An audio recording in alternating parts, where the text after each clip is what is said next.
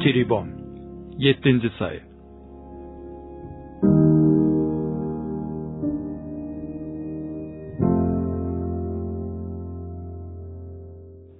Qurumların önəmi və İranda türk hərəkəti. Səid Şərifi Giriş Bu yazı 1401'də Məhsa Jina Amininin ölümü ilə başlayan və indilik sonucu bəlli olmayan ayaqlanmalardan sonra yazılmışdır. Yazıda qurum və qurumsal dəyişim qavramları açıqlandıqdan sonra üç konu ayrıntılı bir biçimdə tartışılacaqdır. Birincisi, bu olaylardan sonra İranın durumunu inceləyəcəyim. İkincisi, qadın yaşam özgürlük hərəkətinin özəllikləri və onu ortaya çıxardan qoşullara ilişkin düşüncələrimi paylaşacağam. Üçüncüsü və ən önəmlisi, İranda yaşayan türk fəalların necə bir yol seçmələri gərəkdiyini tartışacağam. Burada tartışılanlar mənim gözləmlərim, dəyərləndirmələrim və önərilərimdir. Amacım kəsin bir bilgi, sonuc və ya çözüm yolu önərmək deyil. Yazının oxucusuyla fikir paylaşımına girməkdir. Bu yüzden de özellikle eleştiri ve burada keçenleri geliştiren açıklamalar ve yeni öneriler yazının amacılarına yetişmesine kömək edecektir. Lütfen yazıya zaman ayırıp okurken yazılı eleştirinizi, gözlemlerinizi ve değerlendirmelerinizi paylaşmayı unutmayınız.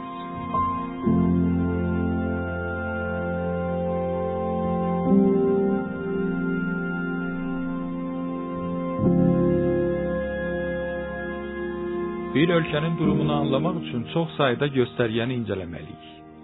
Ölkənin uluslararası alandakı yeri və qarşılaşdığı risklər, ekonomik durumu, toplumsal dayanışma, böhranlar və ayrışmalar, kültürel sürəklilik və qopuqluqlar, yönetişim, yəni hökmranı keyfiyyəti, ölkə içi siyasi durum və rəqabətlər, var olan qurumların işləkliyi, yəni karai nəhadi, şəffaflıq, fəsad, mədəni toplumun durumu, sorun çözmə qabiliyyəti, kimlik algısı, çevrə sorunları və qeyrə bunların hamısına burada baxmaq üçün zamanımız yoxdur. Yuxarıda toxunulan qonulara ilişkin bir çoxumuzun yorumlarımız var. Hökumətin bir çox yançısı belə sözü edilən qonularda böyük sorunların yaşadığını danmayırlar sorunsuz ölkə və toplum yoxdur. Ancaq İranda alanların, yəni hozələrin hamısında çox sayıda sorunun ortaya çıxması, üst-üstə qalanması və nəticədə dərinləşərək böhrana dönüşməsi doğal deyil. Məncə bu doğal olmayan durum və sayısız dərin böhranların kökündə qurumsal, yəni nəhadi sorunlar vardır.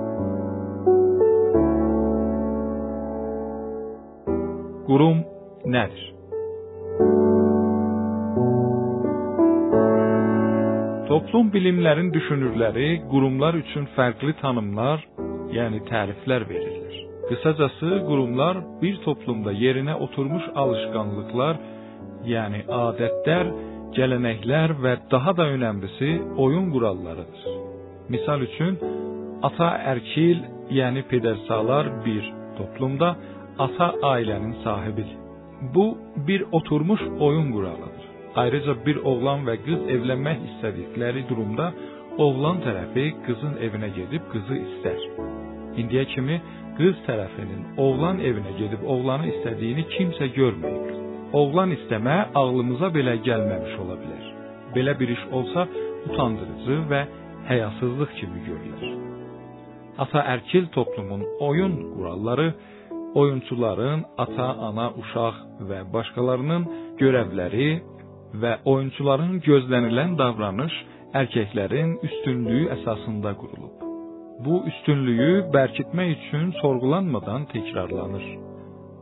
Erkək seçən və qadın seçiləndir.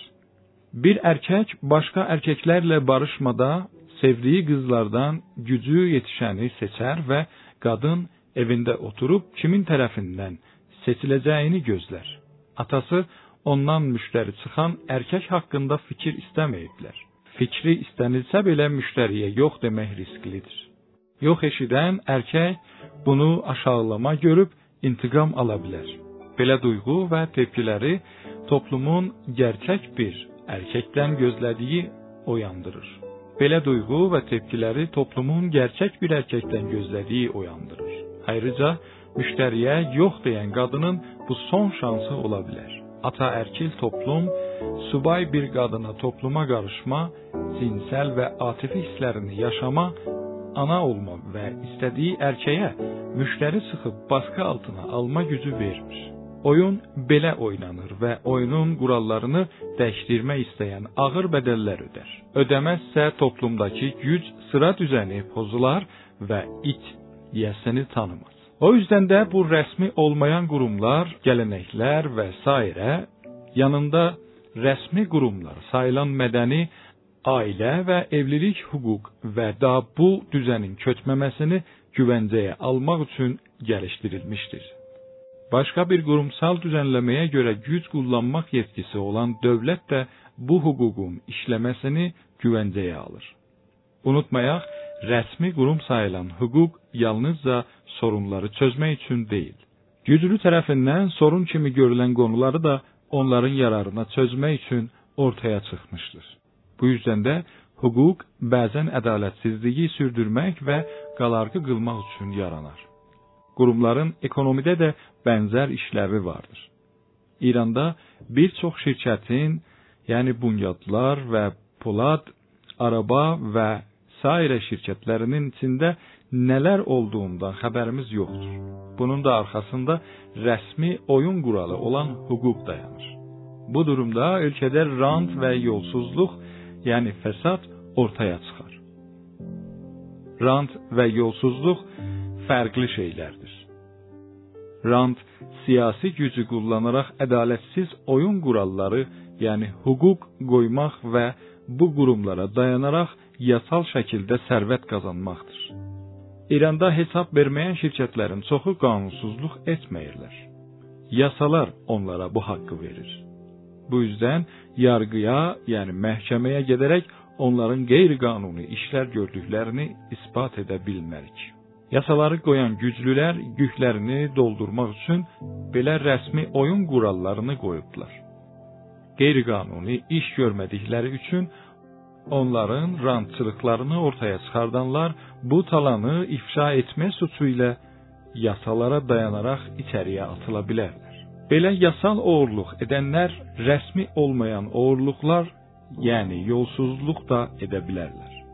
Rant üçün qanun çıxardanlar yargı sistemini, yəni qüvvəyə qəzayı, yəni və polisi də quranlar və əllərində tutanlardır. Geleneksel toplumlarda yəni cəvami sünnəti, din bu rəsmi və rəsmi olmayan qurumları bəlirləyib məşrulaşdırar. Müslüman bir toplumda ateistin belə evlilik və ölüm törənləri, yəni mərasimi dini qurumlara görə keçirilər. Ateisti qəbiləyə görə qəbrə qoyarlar və məsciddə yası tutular. Din ataerkil toplumun ürünü, yəni məhsulu və qoruyanıdır. Qurumlar toplumsal güclərin, yəni niruhay ictimainin dəngəsini də göstərər. Qurumlar təsbit olanda toplumsal güclərin arasında uyum və barış olar. Hamı öz yerini, gücünü və boyunun ölçüsünü bilər.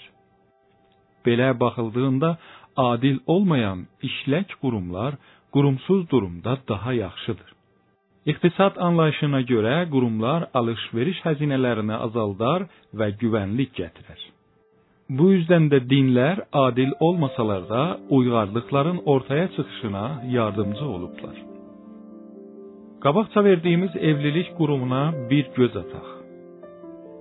Erkəklər çoxdan, bəlkə ilk başdan və ya 10 min illər bundan qabaq qadınları təhdid olaraq görməyiblər.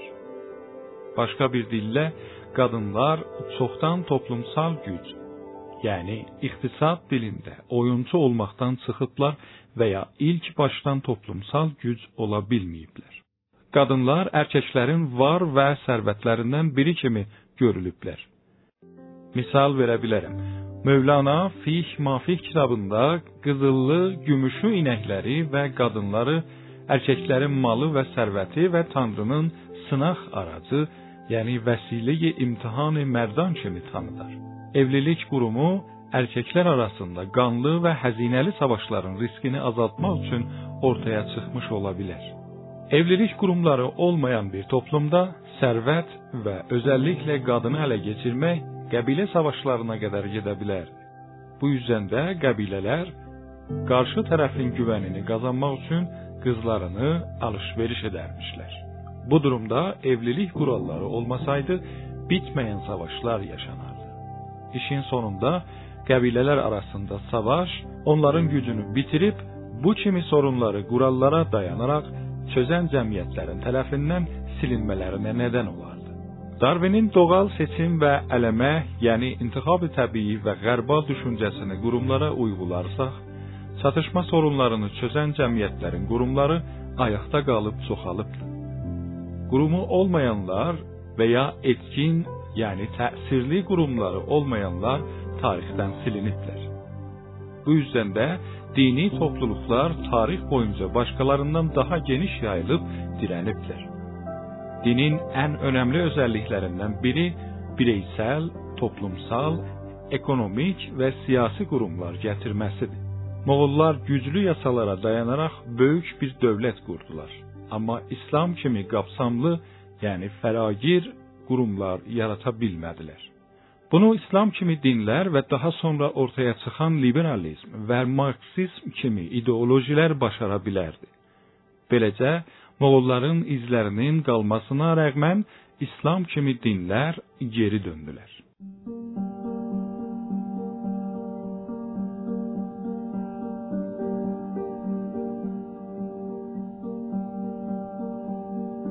Qurumlar nədən və necə dəyişəlir?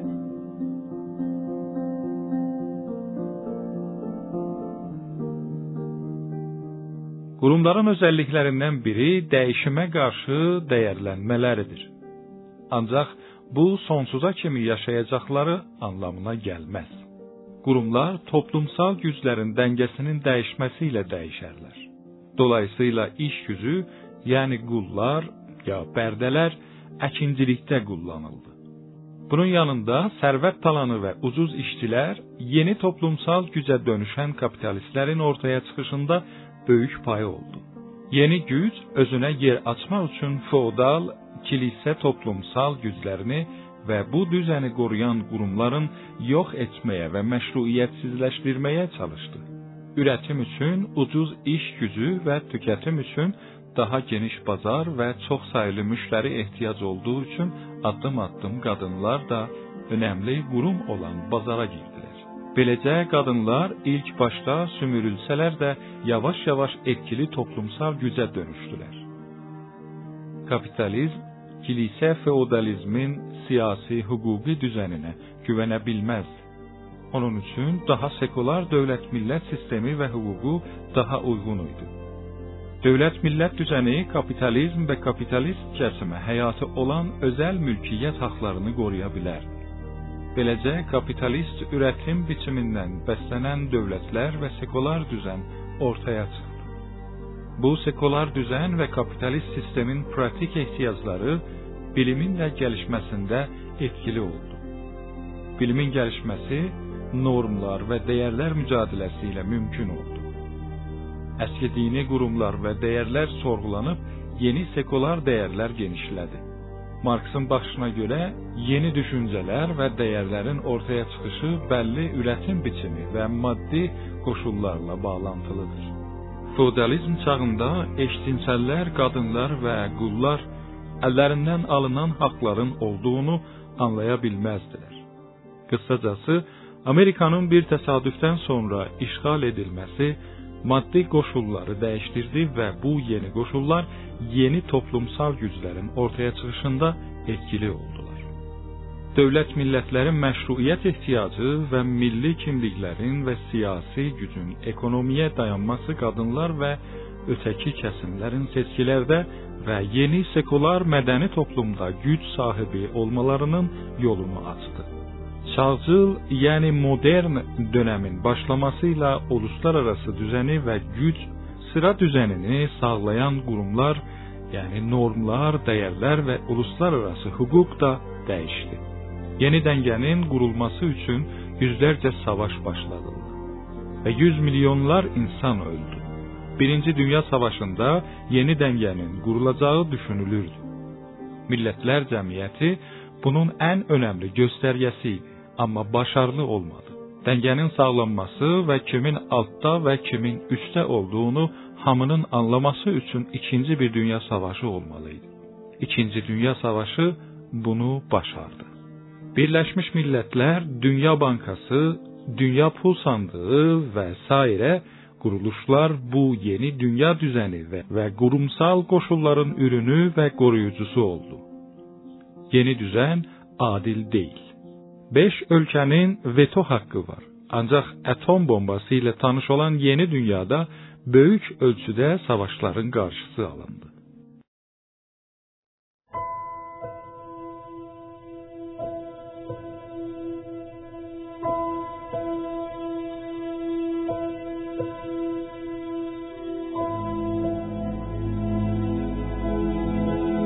İran'da kurumsal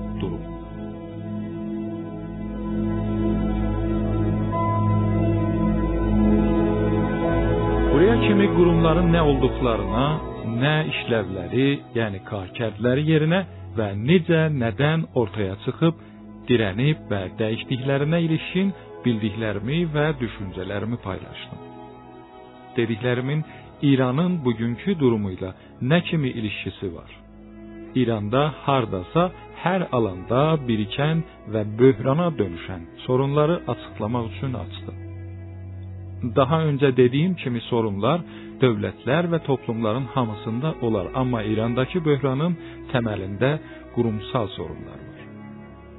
Kurumlar mümkün oldukça sorunların ortaya çıkışının qabağını almalıdırlar. Ancak İranda kurumların özleri sorun yaradırlar.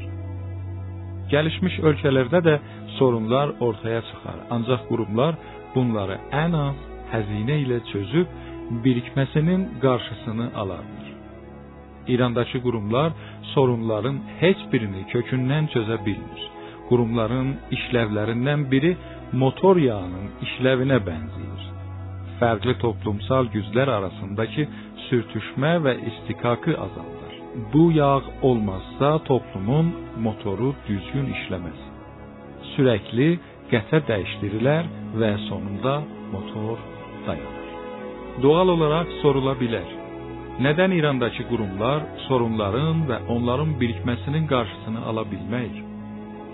Bunun nedeni İrandakı qurumların eski düzene ait olmaları, yeni toplumsal güclərin istəklərini qarşılaya bilməmələri bu güclərin çıxarlarına qarşı olmaları və batı qaynaqlı qurumlar və onlara bağlı dəyərlər qarşısında işlək olmamalıdır. Mənim verdiyim bu cavab doğruysa, nədən ya da necə bu verimsiz qurumlar Darwinist qurallara görə yox olmayıblar? Qabaqçı sorudan doğulan bu yeni sorunu cavablamaq üçün tarixsel yaxlaşımla ideoloji və nəft konusuna toxunmalıyam. Batı dünyasındaki gelişmelerin ilk dalgaları yaklaşık 500 il bundan qabaq və Qızılbaş dövlətinin qurucusu Şah İsmail döneminde bu bölgeye yetişmiştir. 1506-da Portağallılar Ərəb dənizi və Bəsrə körfəzi sahillərində bəzi yerləri işğal etdilər.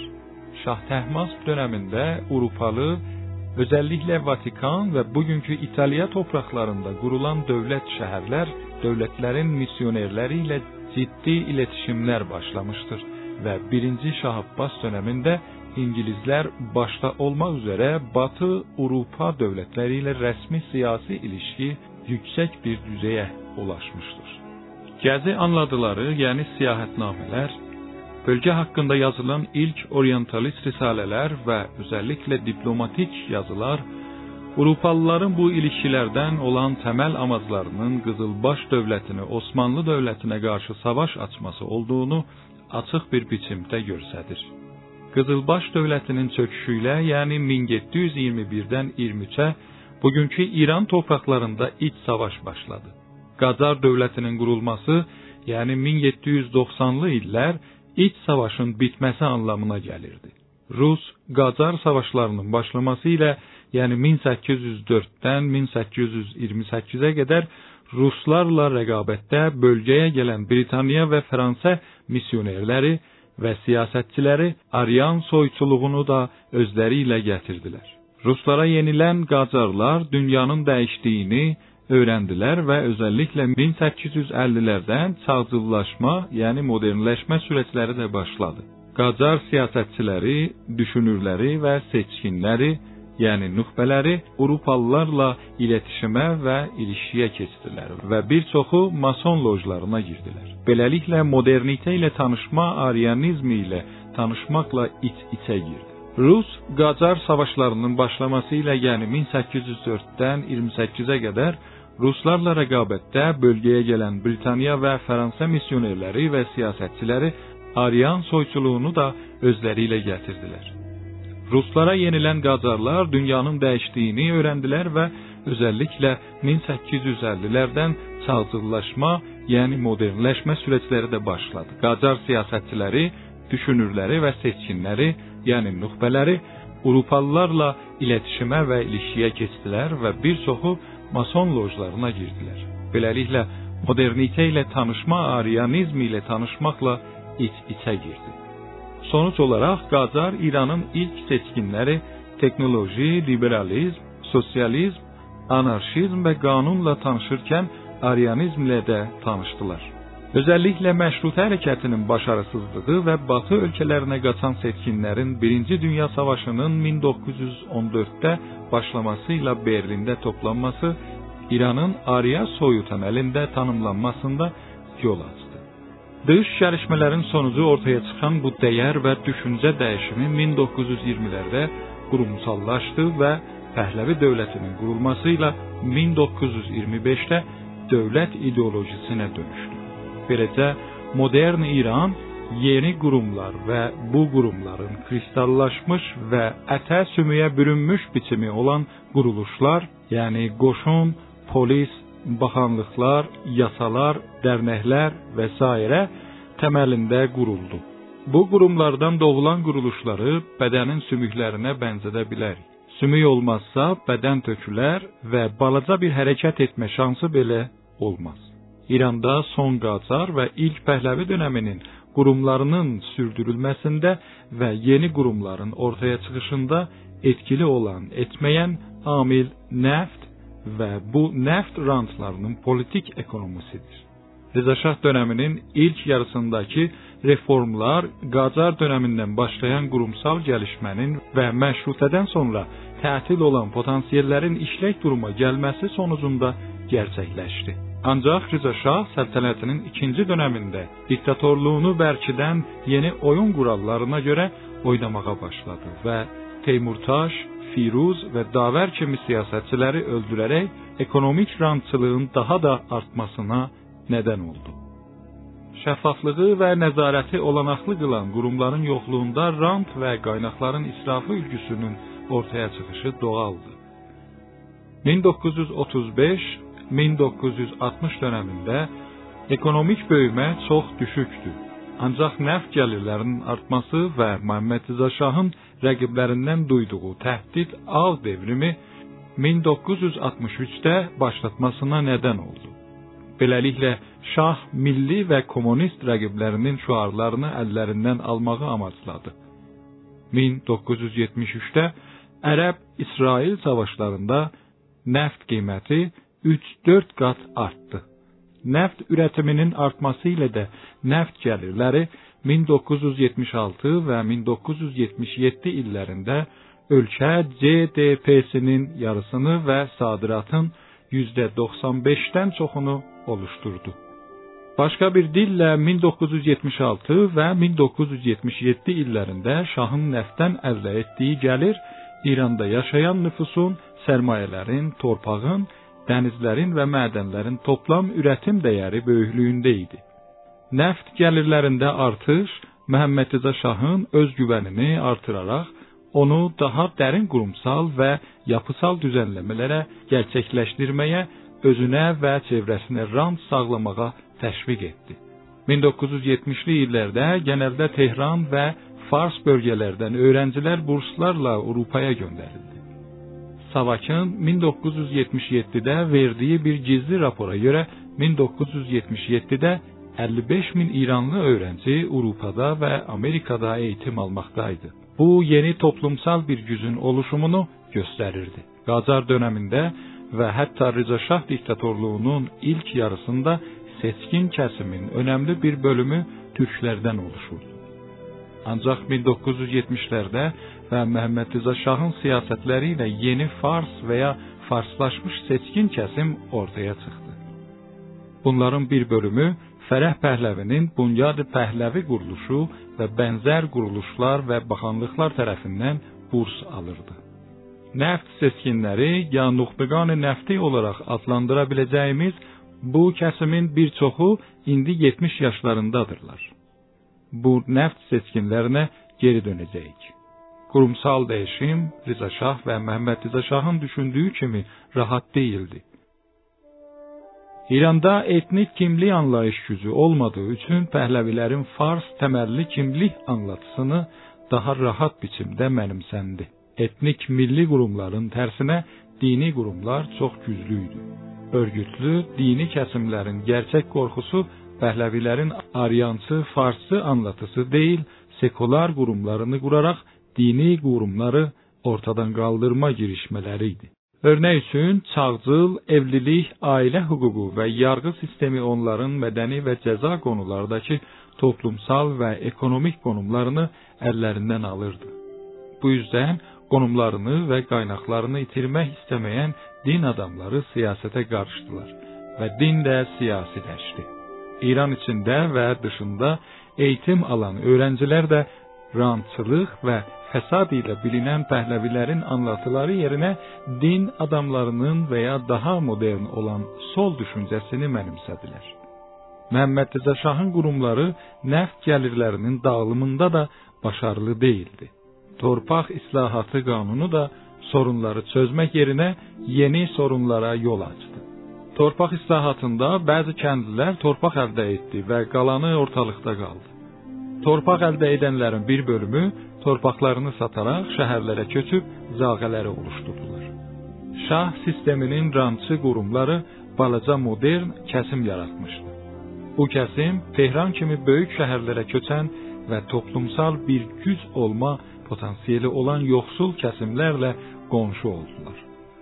1977-də devrimin ilk dalğaları gəldiyində qurumlar sorunu çözəmədi. Ölkə açməz olmuşdu. Sonuç 1979 devrimiydi. Devrim sonrası kurumlar daha geniş bir kütleni kucaklamak yerine siyasi, toplumsal, kültürel ve ekonomik araçları ve kaynakları tekelleştirdiler. Yani inhisar ettiler. Bunun nedeni devrimin çox səslilik və pluralizm üçün ortaya çıxmamasıydı. Belə bir durumda çox səsliliyi və qaynaq və siyasi gücü daha geniş kütlələr içində paylaşan qurumları yaratmaması doğal idi. İliyinə kimi gələneksel və dini olan bir kütləni imtiyaz verməyə zorlayan toplumsal bir güc də yox idi. Özəlliklə nəf kimi qaynağı və dini əllərində toplayanlar xalqı dini gerçəklərlə uyuşturdular. Uyuşmaq istəməyənləri də əzdilər. Ancaq qaynaqlar hər kəsi doyuracaq qədər bol deyildi. Nəf kimi qaynaqlar və siyasi güc böyük kütlə içində adil bir biçimdə paylaşılsaydı, rant və iqtidar dalısıca olanların əlinə çox bir şey keçməzdi. Ancaq nəf kimi qaynaqları əldə tutmaq üçün ilk başda siyasi güc qısıtlı bir cəmin əlində olmalı idi.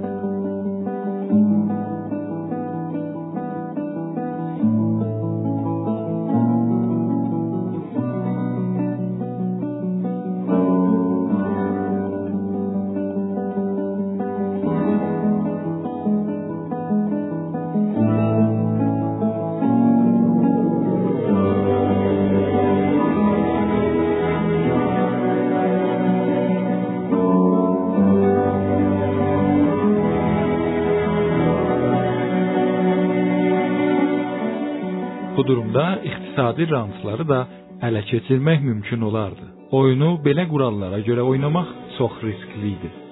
Dini öğütlər və duyğularla bir yerə kimi insanların baş qaldırısını, yəni şureşini önləmək olardı. Rantı kəsim baş qaldırılarla qarşılaşmamaq üçün zamanla yeni oyun quralları gəlişdirdi. Beləcə daha az verimli olan torpaq və suların kəndlilər və haşiyə tərəfindən istismarına göz yumuldu. Sonuç doğal çevrənin və yeraltı suların qısa sürədə yox olması idi. Aslan payı böyük rantçılara və tülkü payı haşiyəyə verilmişdi. Beləliklə böyük bir kütlə daha verimsiz qaynaqların rantını kullanaraq bir sürəliyinə böyük rantçıların ortağı oldu və səsini çıxartmadı. Verimsiz qaynaqların rantı ilə oluşan kəsim əslində sonrakı quşaqların, yəni nəsillərin qaynaqlarına əl qoydular. Sonrakı quşaqlar içmək üçün su, gəzmək üçün yaşıl doğal və bəslənmək üçün torpaq tapa bilməyəcəkdilər. Amma çevrə ilə oynanan bu qorxunc oyun haraya kimi gedə bilərdi? Karun çayının İsfahan və Yəz kimi Fars bölgələri aparmaq ilk başda Xuzistan ərəblərinin və daha sonra suyu paylaşanmayan Yəzli və İsfahanlıların səsini çıxardı. İnsanlar doğal olaraq rantın bol olduğu Fars şəhərlərə və Tehrana köçdülər. Özəlliklə türklərin iş və gəlir üçün Tehran və başqa şəhərlərə köçməsi bununla açıqlana bilər. 1979 devrimi ilə siyasi güc və ekonomik rantı əldə edənlər yavaş-yavaş ağazadə, damad və gəlin sahibi oldular. Daha qaynaqlar yetərli değildi.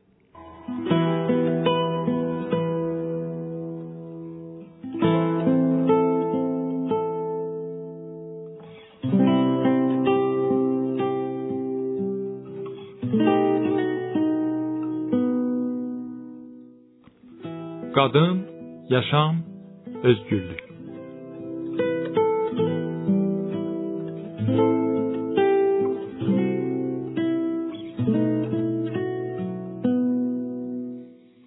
Rantdan bəslənən Şii Fars qurumları rejim içindəki qaynaq və güc rəqabətini də yoluna qoyanmadı.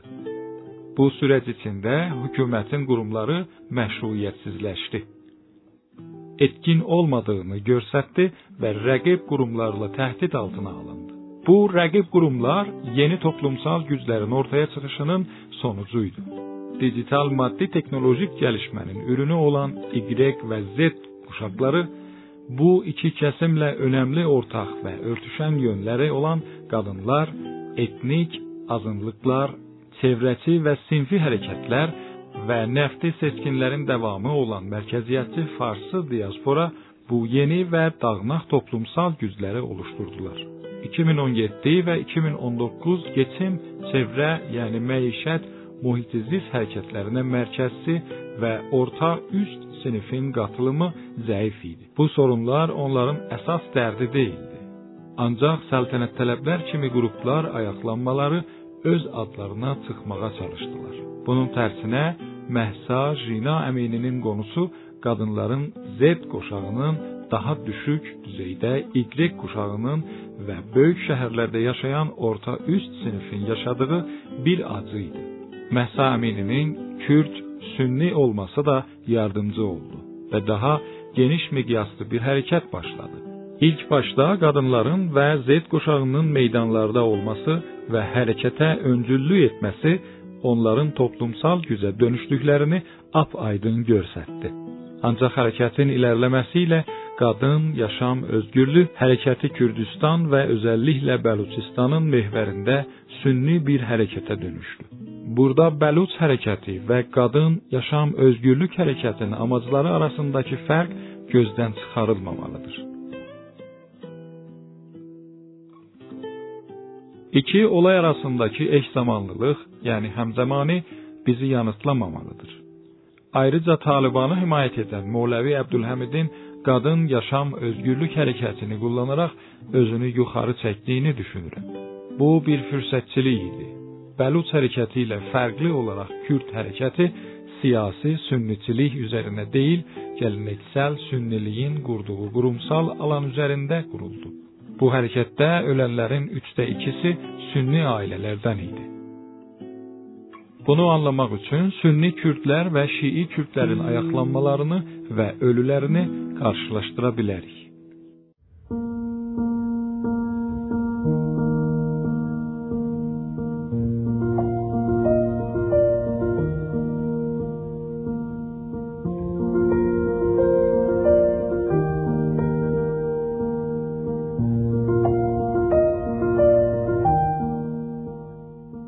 Kirmanşah və İlam genəldə Şii kürdlərdən oluşur. Kirmanşahın ən qanlı ayaqlanmaları sünnilərin çoğunluq olduğu Cavanrudda yaşandı.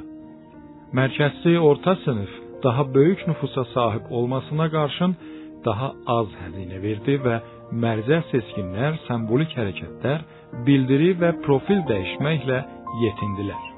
Bu kəsimin səsini ortaq duyğular, amaclar və çıxarlar paylaşan diaspora və mediası daha gür yansıtdılar.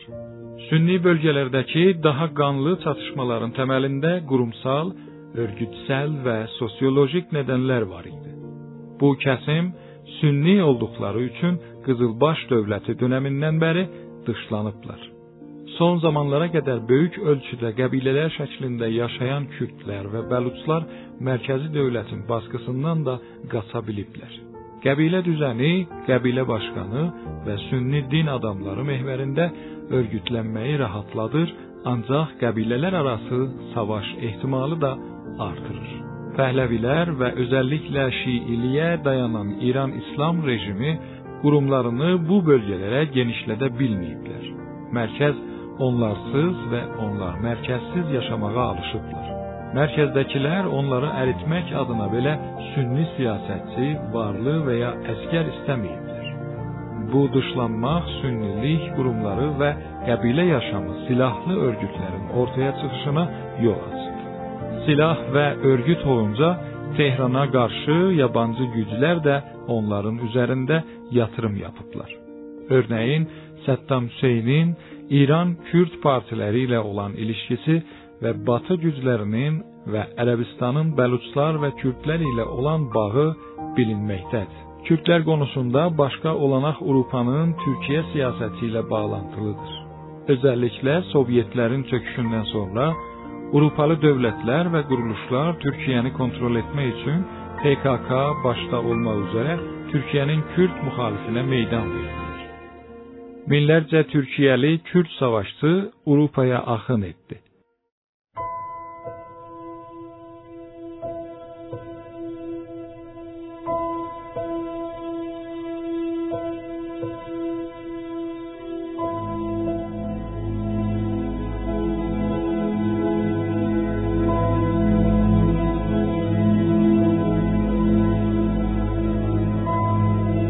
Avropa siyasətinin etkisini anlamaq üçün Kürdlərin Avropadakı gücünü Kanada və Amerikadakı durumları ilə qarşılaşdıra bilərik. Amerika Əfqanistan savaşından sonra İran, Suriyə və ya Əraqa saldırmağı planlayırdı. Vietnam savaşından dərs çıxaran Amerikalılar Əfqanistanda olduğu kimi yerli silahlı savaşçı axtarırdılar.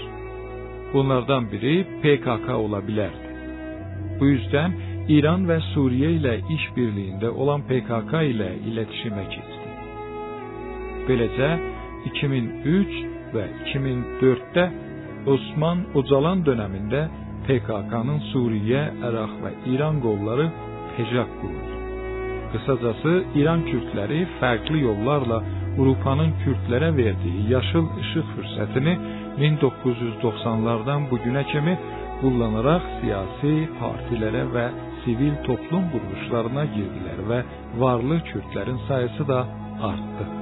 Avrupalılarla bu türden bir iç içelik onlara çağcıl kurumlara göre necə davranmalara gerektiğini de öğretmiştir. İranda milyonlarca Sünni Kürdünü orta düzey siyasetçisi yok iken Avrupa'daki İranlı Kürtler özellikle İskandinavi ülkeleri Alman ve Fransa'da siyasi başarılar əldə ediblər. Sünni qurumların və qəbilə mekanizmasının İran içində onlara sağladığı imkan Avropadakı olanaqları ilə birləşərək Kürdləri son olaylarda öncü duruma gətirdi. Son illərdə və özəlliklə 2022 ayaqlanmasından sonra bir çox düşünür ölkənin çıxmaza girdiyindən söz edərək İran toplumunun dağılma aşamasında olduğu uyarısını verirlər. Məşruiyyətini və etkinliyini itirən rəsmi qurumlara yanaşı rəsmiyyətə tanınmayan bir sürü yeni qurumun ortaya çıxışı bunun göstərgəsi, nədəni və sonucudur. Durumu anlamaq üçün Azərbaycanın bəzi yerlərində bilinən şumlamaq sözcüyü durumu daha yaxşı açıqlayır. Şumlamaq təməlləri boşalan bir evin, divarın, qoyunun və ya yamacın tökülməsi və içinə çökməsidir. Qurumsal böhrana girən toplumlar qurumsal böhrana girən toplumlar da öz içlərinə və bəzən çevrədəki toplumların üstünə şumlarlar. Toqquşan tərəflərin anlaşa bilməmələri bir tərəfin oyunu qazanaraq öz oyun qurallarını hakim edə bilməməsi və toplumun uzlaşmamasıdır. Belə olunca toplum qutuplaşar, orta yol tapmaq istəyənlər satqın sayılar və uzun sürən toqquşmalar sonucu umudsuzluq yaygınlaşar. Qadın yaşam özgürlük hərəkəti qurumsal sorunun hər kəsin eşidəcəyi gür bir səslə bildirilməsi idi. Bu hərəkət yeni qurumların əskilərin yerini alacağı umudunu yaratdı. Ancaq bəzi düşünərlər bu umudun çox sürməyəcəyindən qorxurlar. Ancaq məşruiyyətini itirən qurumlar bir daha məşrulaşmayacaqlar. Artıq hamı şahın çıplaq olduğunu anlayıblar. İranda lap böyük böhrana dönüşəcək qonu çevrə fəlakətidir. Çevrə fəlakəti buzdağının balaca bir bölümü su üzünə çıxıbdır. Çevrə qonuları qısa bir sürədə və az zaman içində özünü göstərəcəkdir. Bu fəlakət hamını etkiləyəcək bir ölçüdə olacaq. Ölçək rejim və müxalifətin gücünü aşacaqdır. Sonucu daha da böyük köçlər və qaynaq üstə iç savaşdır. İranın Pəhləvi dönəmindən nəftə dayalı rantçı oyun quralları bu fəlakəti daha da dərinlətmişdir. Bunun yanında Təbriz və Tehran başda olmaq üzrə bir çox yerləşim yerində zəlzələ kimi fəlakətlərin riski çox yüksəkdir. Xoy və daha öncə Qaradağ və Kirmanşah zəlzələlərində görüldüyü kimi rejim daha kiçik fəlakətləri çözməkdə becərəksiz və istəksizdir. Daha böyüklərinin nələri gətirəcəyi indidən bəllidir şəhərçilikdəki ranta və rüşvətə açıq qurumlar, yəni qanunlar bu riskin təməl nədənidir.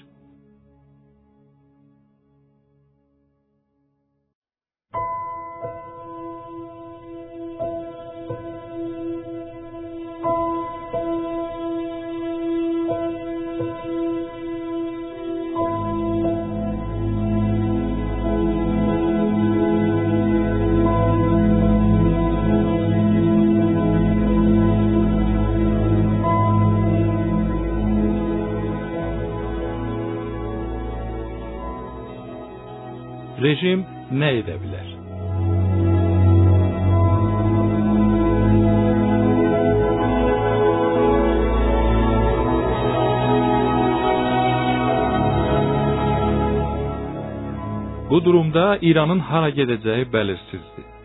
Örnək üçün Xameneyinin ölümü ilə nələrin dəyişəcəyini bilmək çətindir.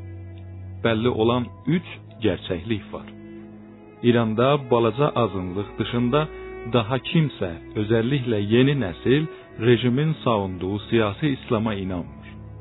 Bu ideoloji məşruiyyət aracı olanmaz və İran 2017 və özəlliklə 2022 illəri öncəsinə dönməyəcəkdir.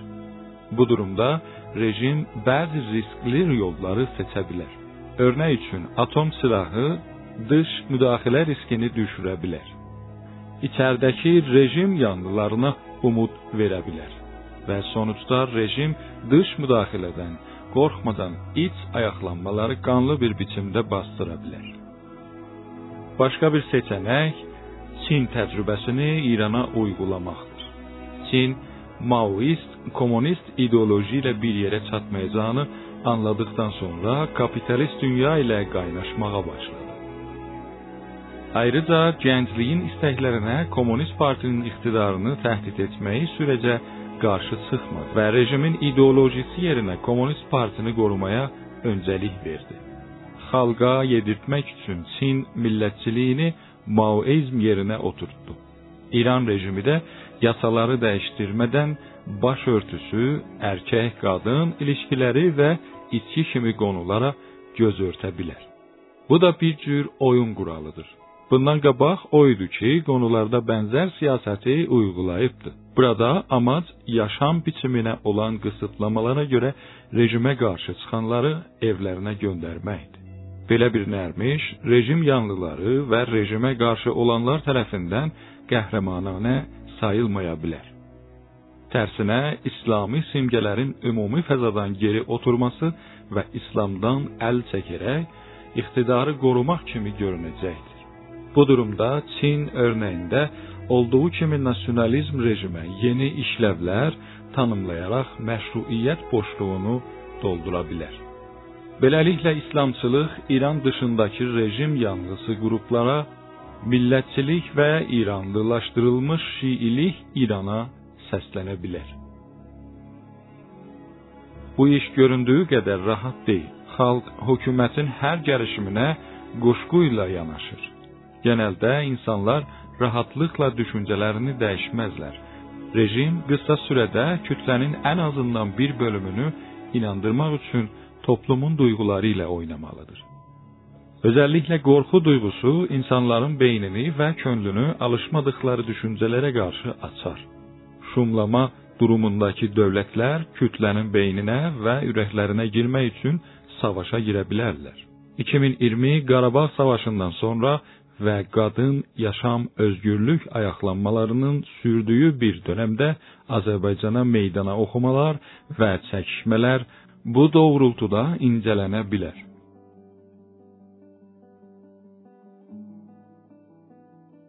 Əslində 2-ci Qarabağ savaşından sonra NATO-nun Azərbaycana girib İranı qoşatmadığı, amacladığını və Zəngəzoru alaraq İranın Avropaya olan yolunu kəsmək istədiyini sürəkli gündəmə gətirmək bu yöndə idi. Bu propaganda iç bültənlərdə, rejimə bağlı sosial medialarda, məscidlərdə və danışıqlarda durmadan təkrarlandı. Amac qorxu yaratmaq və pəhləvilərin kimlik politikasını xatırladan millətçi ideolojini yeni qalıblarda sunaraq rejimə bağlı kəsimin tökülməsinin qarşısını almaqdır. Qorxu duyğusu hakim olarsa, insanlar Ermənistanın Avropa ilə deyil, Gürcüstan ilə qonşu olduğu İranın Avropa yolunun yarı Avropa ölkəsi olan Türkiyə olduğu Ermənistanın özünün də Avropaya yol axtardığı və İranın NATO üyəsi Türkiyə ilə olan sınırlarının ən güvənli sınırları olduğu kimi sıradan gerçəkləri görə bilməzlər. İnsan qorxduğu şeydən nifrət edər və onu özünün ötküsü, yəni digəri və düşmanı görər. Qorxu, nifrət oyunu özəlliklə İranın türk İslamçılarını itirməmək üçün gərəklidir. Rejim bu kəsimin Fars millətçiliyini Şii bəzəklərlə sunulmasına qarşı çıxmağını bildiyi üçün bu propagandanı Azərbaycanda yoğunlaşdırmışdı. İran şəhri çevrələr də bundan istiqbal edirlər. Bu propaganda sonucunda İran şəhri əski İran, Aryan soyu türklərin aşağı bir millət olduğu və Azəri savları, bəzi türk mollalar, bəsicilər, usulgəralar, islah tələblər və İran şəhrilər tərəfindən yayılır. Rejim Türkiyə və Qafqazı özününkü bilən Rusiyadan qorxduğu üçün indilik propaganda Azərbaycan səfarətinə saldırı və erməniləri savaşa qışqırtmağa yetinir. Ancaq ruslardan yaşıl işıq aldığı durumda Xəzər dənizində çatışmalar ola bilər. Azərbaycanda Hüseyniyun aracılığı ilə terror hərəkətləri gerçəkləşə bilər.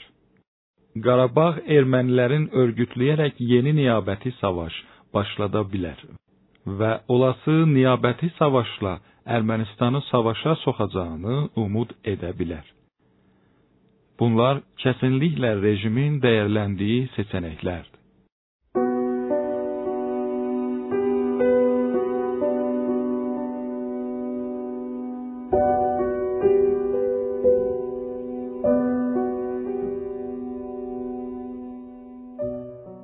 Z kuşağı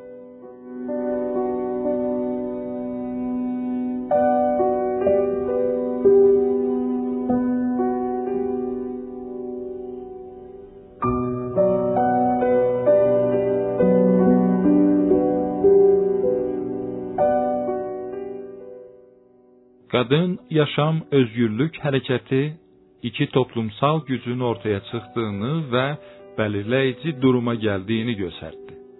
Bunların ilki qadın hərəkətidir. İranda qadın çevrə və Türk Azərbaycan hərəkətləri və böyük ölçüdə sinfi hərəkətlər iki özəllikləri ilə başqa hərəkətlərdən ayrışırlar. Birincisi silah və şiddətə baş vurmaları və ikincisi rantçılığa qarışmamaları. Burada qadınlar, Azərbaycanlılar və sairədən söz etmirəm. Oran, yəni nisbət olaraq daha az olsalar da rantçı və ya şiddətə başvuran qadınlar və ya Azərbaycanlılar olmuşdur. Ancaq qadın hərəkəti və türk hərəkəti burayaca rantdan uzaq silahsız hərəkət özəlliyini qoruyublar. 1401 ayaqlanmalarında üzə çıxan və qadınları da qapsayan ikinci toplumsal güc Z quşağıdır. Çox az tanınan bu quşaq ölkənin gələcəyində daha da etkili olacağı gözlənildiyi üçün aşağıda bu quşağa ilişkin gözləmlərimi və düşüncələrimi paylaşıram. Bu qısa alt bölüm mənim şəxsi gözləmlərim, yorumlarım və araşdırmalardan əldə etdiyim bilgilərə dayanır. Amacım kəsin bir bilgi vermək deyil. Bu qonuda birlikdə düşünməkdir. Z quşağı bir çox açıdan öğrenci kəsiminə bənzəməkdir. Birincisi, çoxu 15-20 yaş arasında öğrencilərdir. İkincisi, fərqli köklərdən, yəni cinsiyyət, təbəqə, ailələrdən gəlirlər. Üçüncüsü, gələn illərdə indiki düşüncələrinin və özəlliklərinin bir bölümünü qoruyacaqlar Ancaq fərqli yerlərdən gəldikləri kimi fərqli yerlərə, yəni öğretmən, işçi, işsiz, müdür, siyasətçi, əkinci, nizami, girişməçi və s. olaraq gedəcəklər.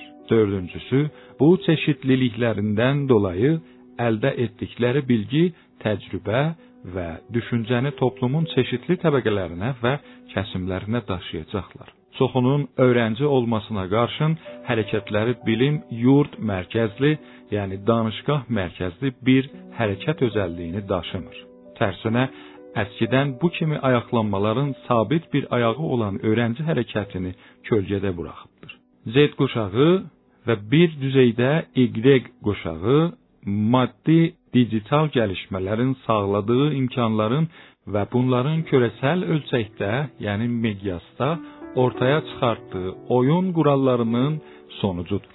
Amerikada yapılan araştırmalara göre Z kuşağının yaklaşık yüzde sekseni din ile yakından uzaktan əlaqəsi yoxdur. Bu yüzden de Amerikalı keşişler bu kuşağı ilk Məsihi olmayan kuşaq olarak görürlər. Bu sonuca yol açan maddi və qurumsal nədən Z kuşağının ailə və rəsmi məcralardan daha çox internet və sosial mediadan bilgi əldə etmələridir. Batı odaqlı araşdırmalar bu quşağın gündə ortalama 9 saat medialarda zaman keçirdiklərini göstərir. Tabu və yasaq sayılanları ilk yaşlarından görürlər və gələneksel bilgi sıra düzəninə məhkum deyillər. Gələneksel sıra düzündən qurtulma özgürləşdikləri anlamına gəlməz.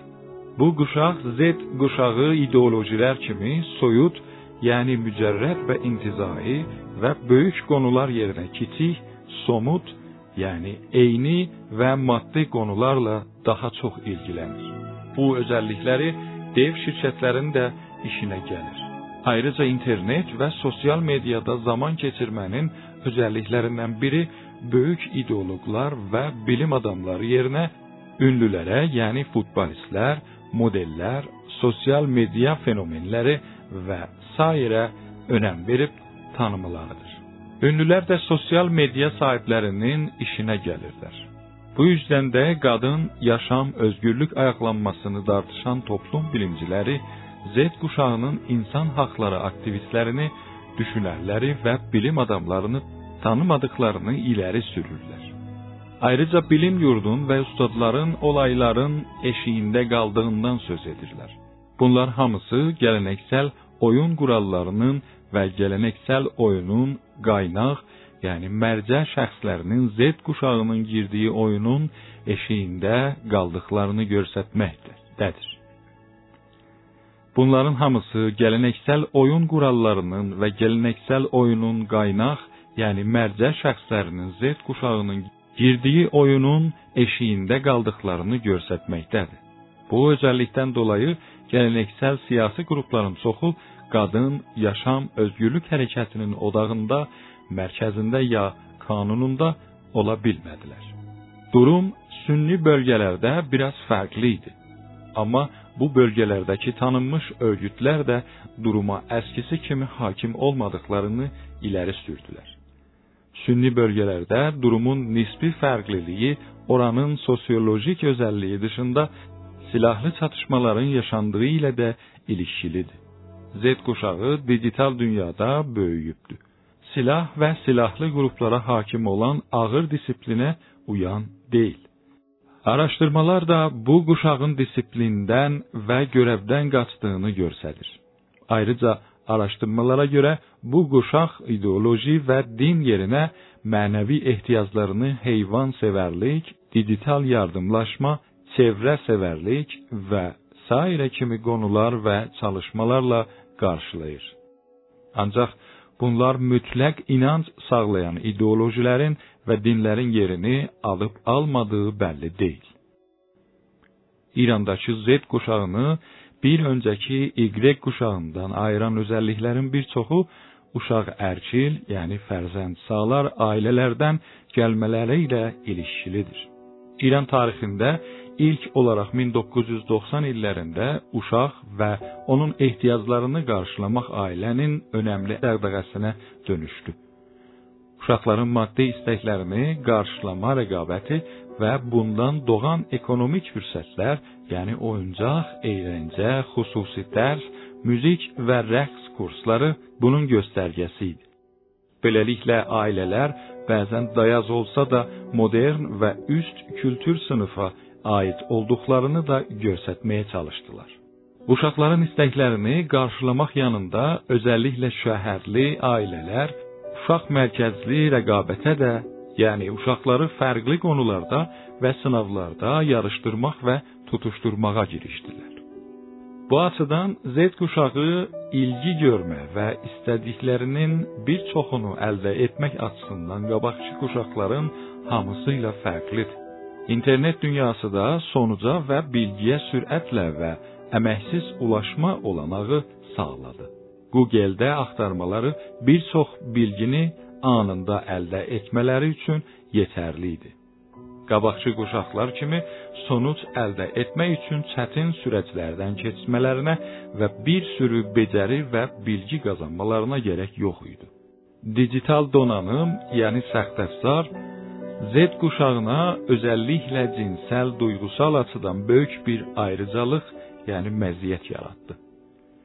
Bir önceki kuşak sıradan yani məmuli bir ilişki üçün büyük riskler almalıydı. Örnek üçün Y kuşağının karşısında neçə büyük sorun var idi. Devrim ve savaştan çıkmış bir rejimde dünyevi istekler bastırılırdı ve toplum ve ataerkil aile baskısı özellikle kadınlar üzerinde güçlüydü. Y kuşağı belə bir ortamda böyüdüyü üçün kısıtlamaların bir çoxunu özümsəmişdi. Yəni dəruni etmişdi. Üstəlik, əskilərdəki kimi cinsel atifi istəklərini güvənli biçimdə qarşılamaq üçün evlənməli idi. Ancaq işsizlik və maddi gözləntilərin artması bəzən orta yaşlaraca evlilik imkanı verməyirdi.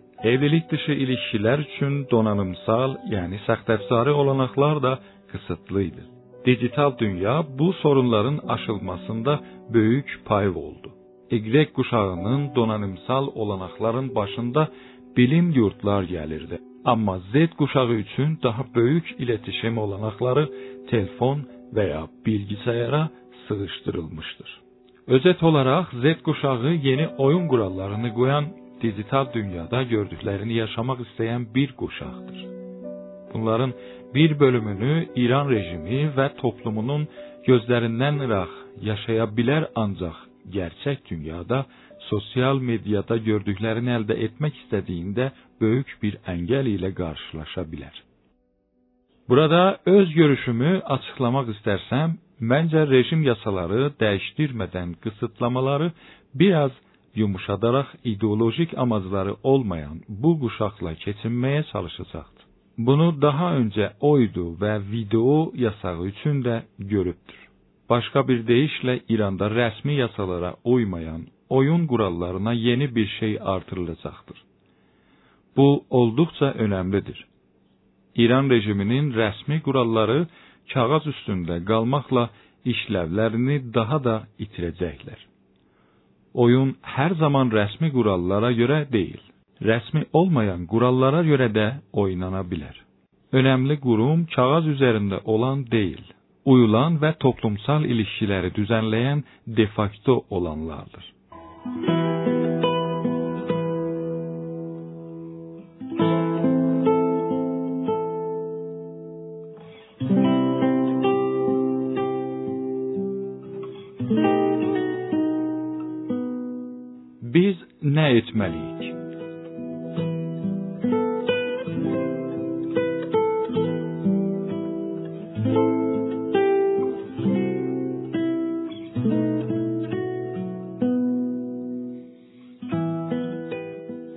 rejiminin reformçuların və mərkəzi opozisyonun savunduqları oyun quralları İranda yaşayan türk toplumunun çıxarlarını və haqlarını qorumaq və ya sağlamaq üçün gəlişdirilməyibdir. Bir kimlik olaraq türklüyün yox olma və ərimə təhdidi altında olduğu, bəzən can çəkişməsində olduğu düşünülürdü. İndi isə çevrə sorunlarının gedərək dərinləşməsi və zəlzələ kimi doğal təhdidlərin də boy göstərməsi ilə bir toplum olaraq türklüyün təhdid altında olduğu görülməkdədir. Türk kimliyinin və toplumunun yaşam mücadiləsi ilə yanaşı istədiyi kimi yaşaya bilməyən bireyləri görürük. Bu alt bölümdə daha öncə tartışdığım konulardan yola çıxaraq bu sorunları çözmək, təhdidləri azaltmaq, onlara qarşı daha hazırlıqlı olmaq və bireysel və toplumsal gəlişmənin yolunu açmağa ilişkin düşüncələrimi paylaşacağam. Güney Azərbaycan və İranın başqa yerlərində yaşayan türklərin ən önəmli sorunlarından biri güclü örgütlərin və örgütlənmənin olmamasıdır. Uyğun verimli qurumlar olmazsa yabancı güclərin müdaxiləsi olmadan güclü örgütlər və quruluşlar oluşturmaq imkansızdır.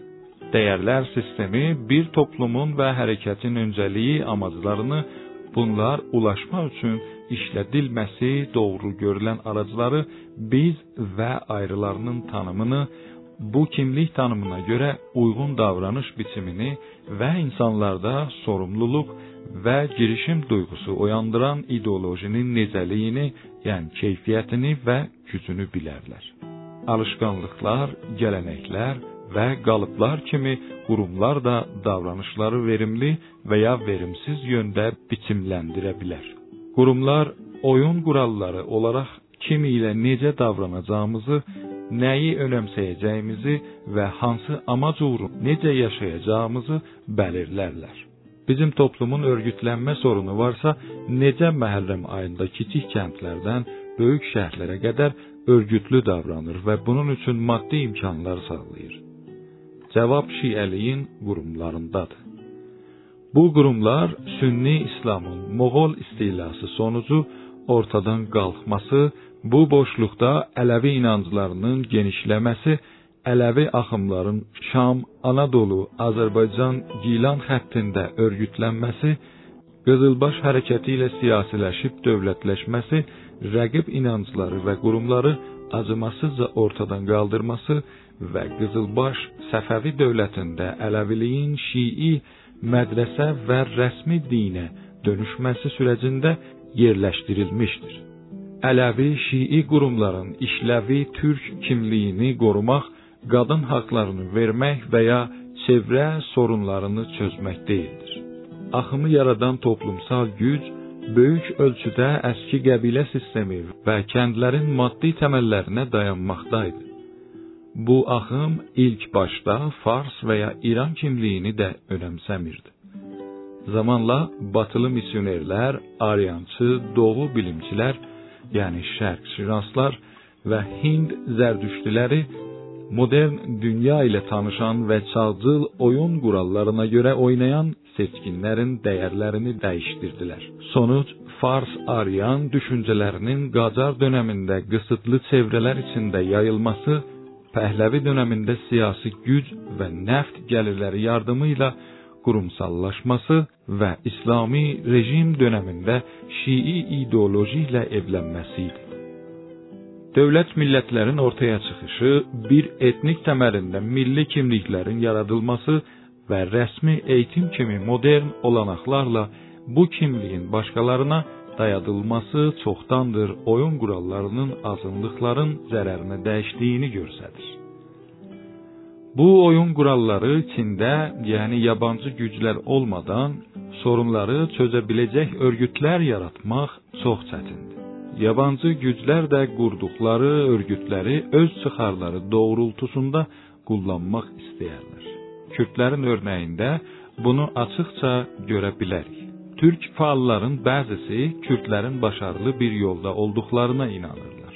Ancaq 2023-də durduqları yer və bu günə kimi ödədikləri xəzinələri qarşılaşdırdığımızda hər şey aydınlaşar.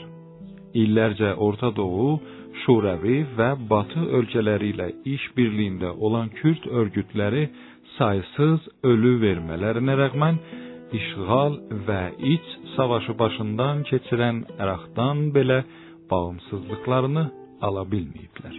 Ən düşündürücüsü də bir-birlərinə qanlı savaş açaraq on minlərcə kürdü öz əlləri ilə öldürülmələridir.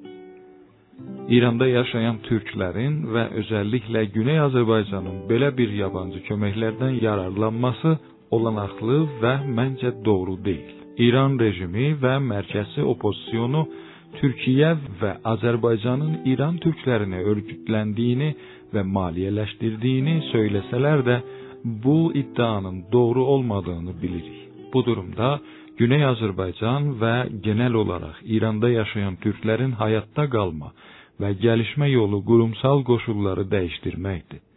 Dövlətin mərkəzi oppozisyonun və yabancı dövlətlərin bunu bizim üçün görməyəcəyi açıqdır. Qurumsal durumda dəyişiklik özümüz tərəfindən gerçəkləşmədiyi sürəcə bir etnik milliyyət olaraq yox olmamız qaçınılmaz. Üstəlik mərkəzi kimlikdə əridiyimizdə belə çevrə sorunları bitmək aşamasında olan qaynaqlar üçün savaş və doğal faciələr bizi buraxmayacaqdı.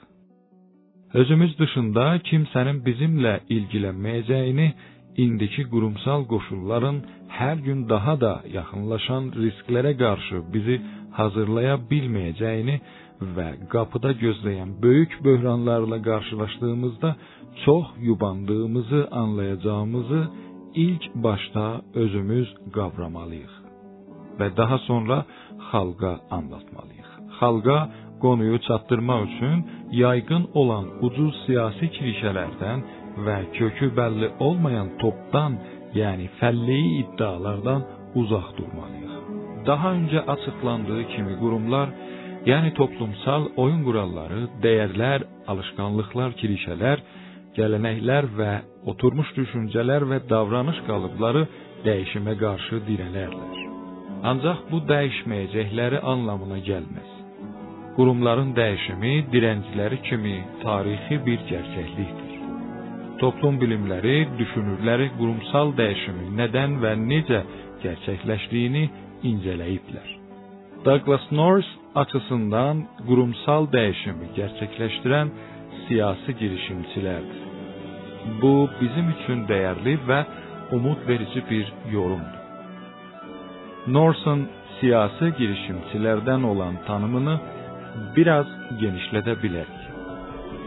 İlk başta girişimcinin kim olduğunu qısaca gözdən keçirək. Yaxlaşıq 100 il bundan qabaq politik iqtisadçı Joseph Schumpeter girişimçi və girişimçiliyin önəmini vurğulamışdır. İngilizcəsi entrepreneur olan girişimçi sözcüğü Farsçada karaferin olarak çevrilmiştir. Ancaq karaferin bu kəlmənin qarşılığı deyildir. Schumpeter açısından kapitalist sistem sürekli böhranlarla karşılaşır. Ancak durmadan öz küllerinden yeniden doğular. Bunun nedeni yeniçilik, yani nuaveri ve yeniçiliğin yolunu açan kurumlardır. Yeniçiliği kapitalizmin motoru durumuna getirenler riskten korkmayan daha verimli yeni teknolojileri hayata geçirme isteyen ve başarı üçün çırpınan girişimci insanlardır. Bu tanımdan yola çıxarsaq, siyasi girişimçilər əski və oturmuş düzəni dəyişdirmə riskini gözə alan siyasi insanlar və axımlardır. Örnek üçün ataərkil düzənə meydan oxuyan və toplumsal oyunun yeni qurallara görə oynanması üçün qollarını sıvayan feministlər və feminizm siyasi girişimçi olaraq görülməlidir. Güney Azərbaycan Milli Hərəkəti və türk fəallar da siyasi girişimçidirlər. Girişimçilər oturmuş olan düzənə meydan oxuduqları üçün uduzma riski ilə də qarşı-qarşıya qalarlar. Bu yüzden siyasi girişimçilər risk almakla birlikte addımlarını düşünerek atmalıdırlar risk alma ruhu olmadan girişimçilik anlamsızdır. Ancak sonuç elde etmek girişimcinin adanmışlığına doğru yolları seçmesine, tarihin doğru yerinde durmasına ve maddi olanakların toplumsal bir yüze düşünmesi için koşulların uygun olduğuna da bağlıdır. Bu alt bölümde toplumsal kurumlara yatırım yapmağın bir Türk hareketinin önünü açacağı 2. Türk toplumunu təhdid edən risklərə qarşı dirəncli qılacağı. 3. Bu toplumun və üyelərinin gəlişməsini sağlayacağı və 4.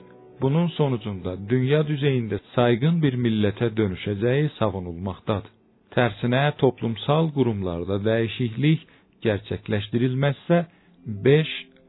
Türk hərəkəti qısıtlı çevrənin eşiyinə çıxa bilməyəcək. 6 selbi tepkisel aşamadan icabı düzgüsel aşamaya geçebilmeyecek. 7. Türk olarak ölüm qalım savaşını uduzacaq və 8. Bir toplum olarak iç savaş, su, hava, torpaq, deprem risklərində acınacaqlı duruma gələcəkdir. Burada öz düşüncəmi haqlı çıxartmaq və ya oxuyanlara satmaq üçün əyimsərlik, qaramsarlıq yani hoşbini ve bedbini görüntüsü yaratmak istəmirəm. Gerçeklik budur. Milyonlar il sürecinde oluşan yeraltı ve yerüstü kaynaklarımız bitməkdədir. Bunların bir çoxunu, məsələn, yerləşim yerləri altında qalan və ya sellərlə yuyulub gedən torpağı geri gətirməmiz imkansızdır. Təbriz kimi mərkəz şəhərimizi böyük zəlzələ təhdid edərkən savunmasız tarixin təsadüflərinə buraxılıbdır. Dilimiz kəlmə, qramer və anlam bilimsel açıdan farsça ilə çürüdülmüş durumdadır və başqaları. Burada toplumsal qurumları yaratmaq, gəlişdirmək və işlək duruma gətirərək daha devingən, yəni puya bir toplumun oluşması üçün görə biləcəklərimizə ilişkin dəyərləndirmələrimi paylaşıram. Bu oxucu ilə birlikdə düşünmə girişimi kimi algılanmalıdır. 1. Çevrə sorunları və deprem kimi təhdidlər doğru düzgün gerçəkçi və bilimsel bir biçimdə incələnib əlimizdəki aracılarla xalqa duyurulmalıdır. İlk olarak bu düşüncəni paylaşmamın nədəni yubandığımızda çevrə sorunlarını düzəltməmizin olanaksız olması Əlimizdə qalanı da itirəcəyimiz və deprem kimi olayların bizi gözləməməsidir. Toplumsal konularda uzmanlar və xalqla doğrudan təmasda olmağımız şərtdir. Fəallar və özəlliklə zəlzələ kimi qonularda uzman olanlarımız indiyə kimi gözdən çıxardığımız yer bilim, ümran və coğrafiya uzmanlarını bir araya gətirməlidirlər. Biz fəallar olaraq hər sorunun uzmanı deyilik, amma uzmanları dövlətdən bağımsız örgütləyə bilərik. Bu insanlar siyasi düşüncə əsasında bizə yaxın olmaya bilərlər. Bu qonularda bənzər qayğılarımız olması yetərlidir.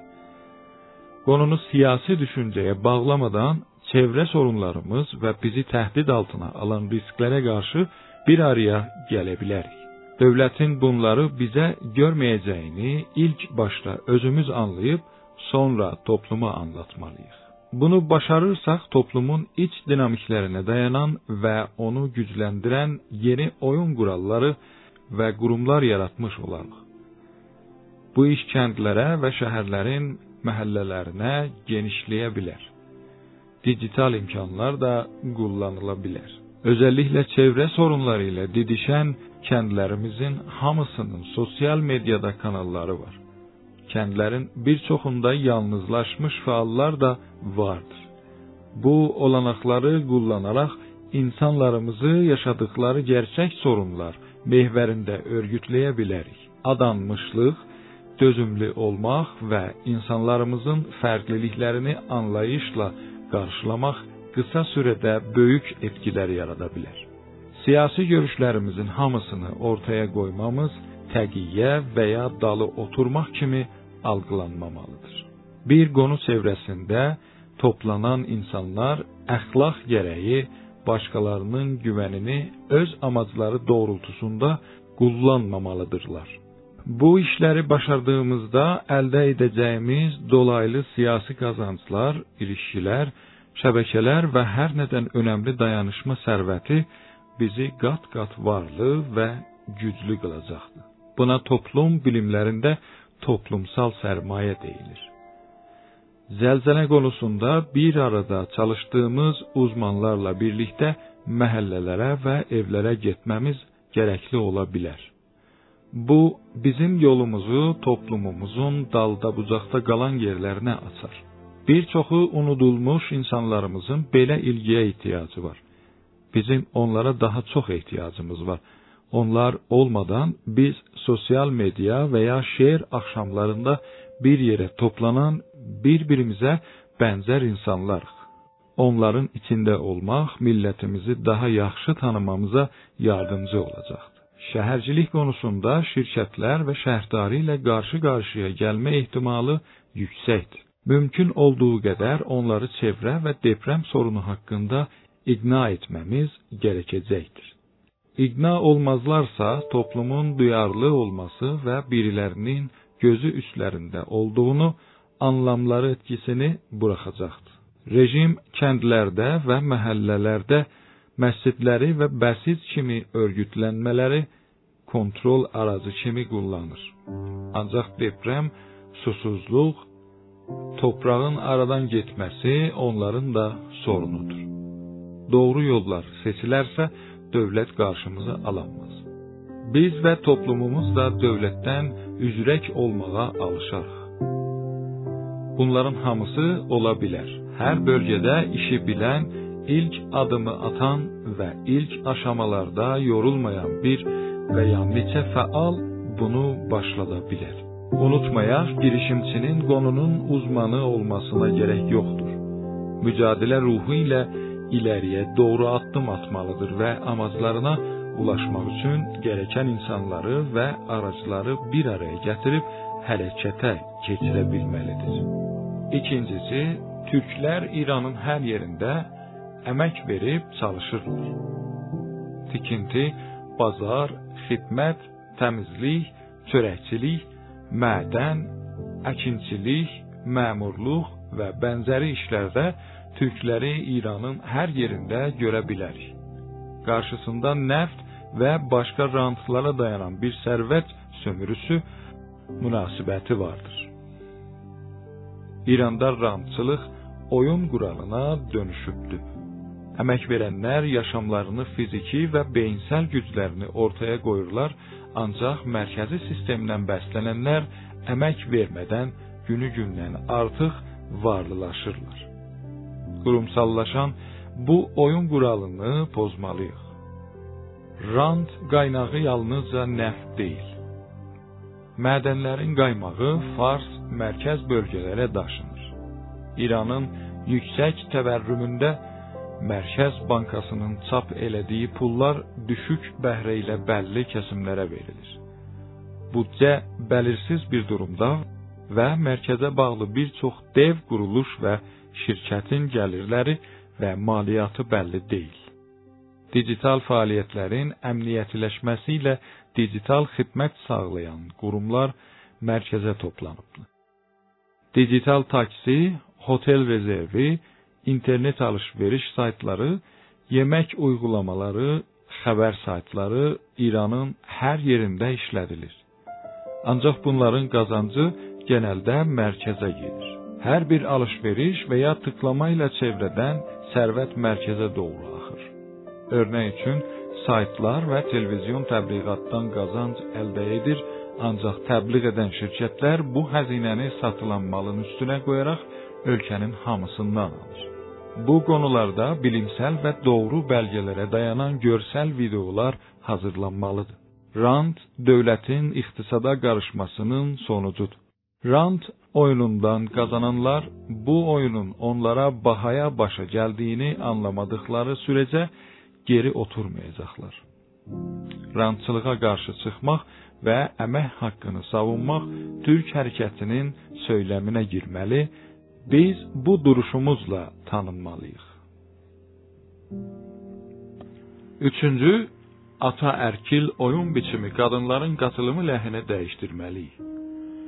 Burada qadın fəallarımızdan yardım almalıyıq. Ayrıca uşaq-ərkil oyununu doğru düzgün incələməliyik.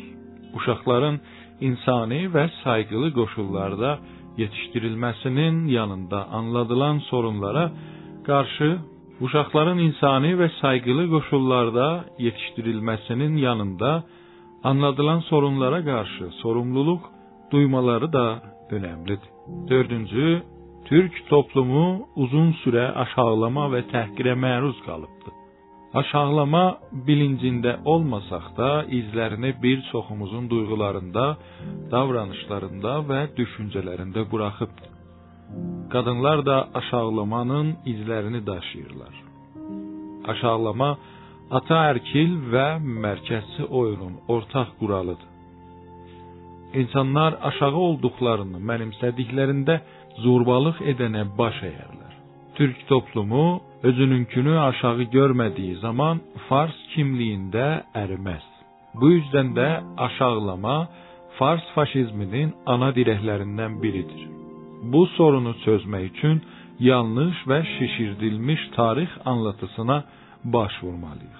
Bəzən girişimçiliyi uzmanlıqla qarışdırırıq. Misal üçün, iqtisadi bir girişimçi Steve Jobs və ya Elon Musk olsa belə özünü hər texnolojini bilən mühəndis yerinə qoymaz. İşində uzman olmayanların ortalıqda səs-küy salmalarının tərs təpdiyini görürük. Aşağılanma konusuna geri dönərsək, ilk başta özümüz toplumumuzun başka toplumlar kimi sevilecek və eleştirilecek yönləri və ya keçmişi olduğunu qəbul etməliyik. Oyun övünmək, aşağılanmaq qurallarına görə deyil, özünə sayğı duymaq və yanlışları düzəltmək qurallarına görə oynanmalıdır. Bu doğrultuda tariximiz və günümüz gerçəkçi bilimsel ilkələrə, yəni əsaslara görə gözdən keçirilməlidir. Buna ulaşmaq üçün qarşımızda olan ən önəmli sorunlardan biri eleştirəl ya tənqidi düşüncə ilə tanış olmamaq və əfsanələrə dayanaraq dünyanı algılamaqdır. Eleştirəl düşüncə sahibi olmayan toplumun bu dünyaya ayaq uydurması imkansızdır. Ayrıca özümüzü və toplumumuzu aşağılamadan eleştirməliyik. Yanlışları tapıb üstünü açmadan ilərləyə bilmərik. Belə bir oyunun qurallarına alışmaq çətindir, ancaq başqa yolumuz da yoxdur. Beşinci, bu toplumsal dəyişikliklər yanında türkçənin genişləməsi və farscanın somrucu simgesel gücünü sındırmaq üçün çalışmalıyıq. Sosial mediada çox sayda ailə, iş və bölgə təməlli qruplar var. Qıraqda duraraq və ya gizlənərək bir yerə çatanmarıq. Bu qruplara üyə olub oranın durumuna görə türkçə içəriklər paylaşıb yazışmalarımız olmalıdır. Şəxsi təcrübəmə dayanaraq faşist kəsimlərin türkçə paylaşımlardan ürkdüklərini deyə bilərəm. Nədəni çox açıqdır. Onlar türkçənin yazı dili ola biləcəyini gizlətmək istəyirlər. Başqalarının bunu öyrədib təqlid etməsindən qorxurlar. Onların sevdiyi oyun qurallarına görə farscanın yazıdakı tək əl, yəni inhisari qonumu qorunmalı, türkçə yox olanaca danışıq dili qalmalıdır. Türkçəmizi yalnızca dil və ədəbiyyat üçün kullanmamalıyıq. Türkçəni fərqli alanlarda işlətmənin simbolik dəyəri var. Eğitim və öyrətimin yalnızca farsça ilə deyil, türkçə ilə də ola biləcəyini göstərməliyik. Alanda farsça içəriklər ilə rəqabətdə olduğumuzu və ürünümüzün müştəri tərəfindən bəyənilməsi gərəkdiyini unutmamalıyıq. 6-cı Azərbaycandan eşikdə olan türklər Azərbaycan kökənlilərdən və yerli türklərdən, yəni Qaşqay, Xələc, Xorasan, Sonqur, Biçaqçı, Həmədan, Bicar, Şahsəvən, Türkmən və Qazaq türkləri oluşurlar. Bunların içində lap böyük kəsim Tehranda yaşayanlardır. Tehran və çevrəsinin İranın lap böyük türk yerləşim yeri olduğunu bilirik. Bu bölgədə yaşayan 7-10 milyon türkdən söz edə bilərik. Bunca böyük türk nüfusu sanki Azərbaycandan fərqli bir qarrədə yaşayırlar. Bizim oyunumuzun quralları içində Tehran türkləri ilə iletişimi gəlişdirmək yox qədər az olduğunu deyə bilərəm. İllər öncədən Tehran türklərini araşdırıb orada yaşayan fəalların bu konudakı düşüncələrini öyrənməyə çalışmışam.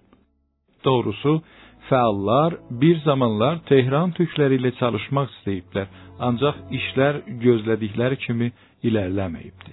Dolayısıyla fəaliyyətlər ədəbi dərnəklərə, musiqi törənlərinə və özəl yoldaşlar arası görüşmələrə qısıtlı qalıbdı. Tehran türkləri ilə işləmənin və onlarla anlaşma dili tapmanın çətinliklərini bilirəm. Tehran türkləri genəldə birincisi iş dalıca son 100 ildə bu şəhərə köçənlər və onların uşaqlarından oluşur. Bu kəsim özəlliklə ilk illərində çətin şəraitdə yaşayıblar. Əski köklərindən qopublar və yeni ortamda özlərini məscidlərdə və ya Tehranın dayaz modern kültüründə tapıblar. İranda türklərin aşağılanması böyük ölçüdə bu kəsimin aşağılanması ilə başlayıbdır. Aşağılanmışlığı mənimsəyən bu kəsim zamanla özünü baş kəndli görməyə və çevrəyə qarşı yuxarıdan baxmağa başlamışdı. Ancaq bu kəsimin genəldə düşüncə və kültür açısından özünü gəlişdirmə şansı olmadığını bilirik. İkincisi, məmur ya karmənd və ya nizami kəsim. Bu kəsim genəldə mühafizəkardır və aylıq gəliri yanında ikinci gəlir qaynağı dalıca qaçmaqdadır. Üçüncü, varlı türklər. Əski ərbablar və ya bürokratların varisləri. Bazarda çalışaraq alış-veriş ilə varlı olanlar, öyrəticilər, xidmət işlərinə girişənlər və ranta qarışanlar. Əski ərbablar və bürokratların uşaqlarının çoxu Amerika və Batı ölkələrinə köçüblər və arada bir şəhərin quzeyindəki evlərinə gələrlər. Rantçılıqla varlılaşanların sayı azdır, ancaq rejimə yaxınlıqları və sərvətlərini kullanaraq Tehran türklərini və gəldikləri şəhərləri amacları doğrultusunda örgütləməyə çalışırlar. Qalan kəsimin böyük bir bölümü Tehrana ilk gəldiklərində Azərbaycanlı heyətlər və məscidlər mehvərində bir araya gəliblər. Tehranda yüzlərcə məscid, qruplar ancaq bu məscidlərin bir çoxunu idarəyə Oqaf ələ keçiribdi. Məscidlər bu son kəsimi rantçılarla bir araya gətirib propagandalarına məruz qoyur. Ancaq 1990-lardan sonra rejimi eleştirənlərin sayısı da artıbdı. Dördüncü, öğrencilər. Özellikle islahat döneminde Tehranda okuyan Azerbaycanlı öğrencilerin derneklerini, dergilerini ve itirazlarını bilirik. Burada maraqlı olan Tehranda yaşayan Türk ailələrdən gələn öğrencilerin, öğrenci fəalların balaca bir bölümünü olduşturmalar idi. Öğrenci hərəkatının geriləməsi ilə Tehrandakı Türk öğrencilerin də fəaliyyətləri dayandırıldı. Buraya qədər anlattıklarım şəxsi gözlemlerim ve ve araştırmalarıma dayanmaktadır. Bu konuda daha geniş araştırmalar olmalıdır.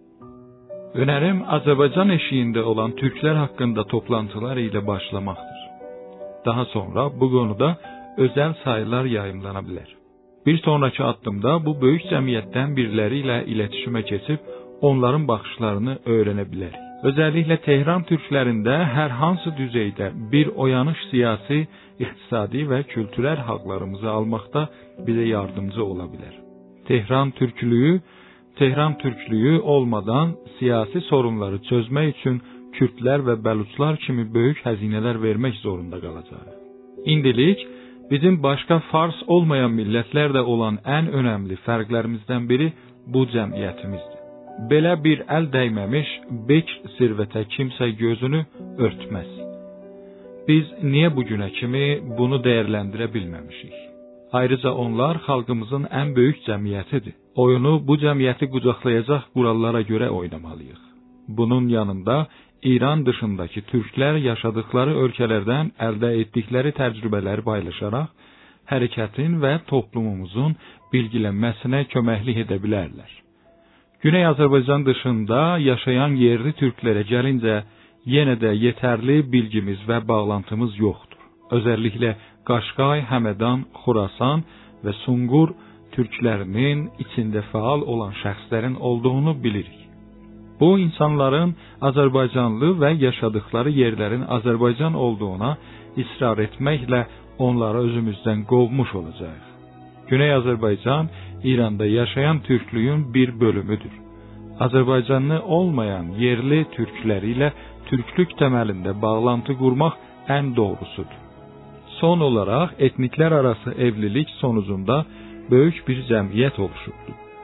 Bunların nüfusunu bilmirik. Ancaq məncə sayıları İranın üçüncü qalabalıq etniyi olan Kürdlərdən çoxdur. Gələcəkdə kəsinliklə cəmiyyətləri türklər və fars dillilərdən də çox olacaqdır. Oyunu yalnızca bilinən etniklərə görə oynamaq yanlışdır.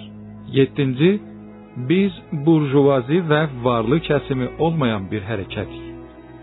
Oyunumuz orta və alt qatmanları maraqlandırır. Özəlliklə rantla zənginləşməyən varlı kəsimin niyə milli hərəkətlə ilgilənmədiyi düşünülməlidir.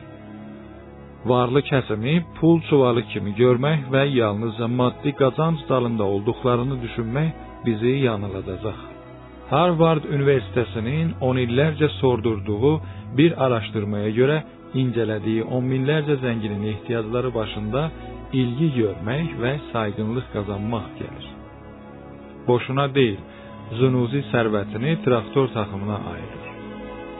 Varlılarımızla pul ehtiyacı olduğunda iletişime girdiğimizde başarı şansımız olmayacaktır.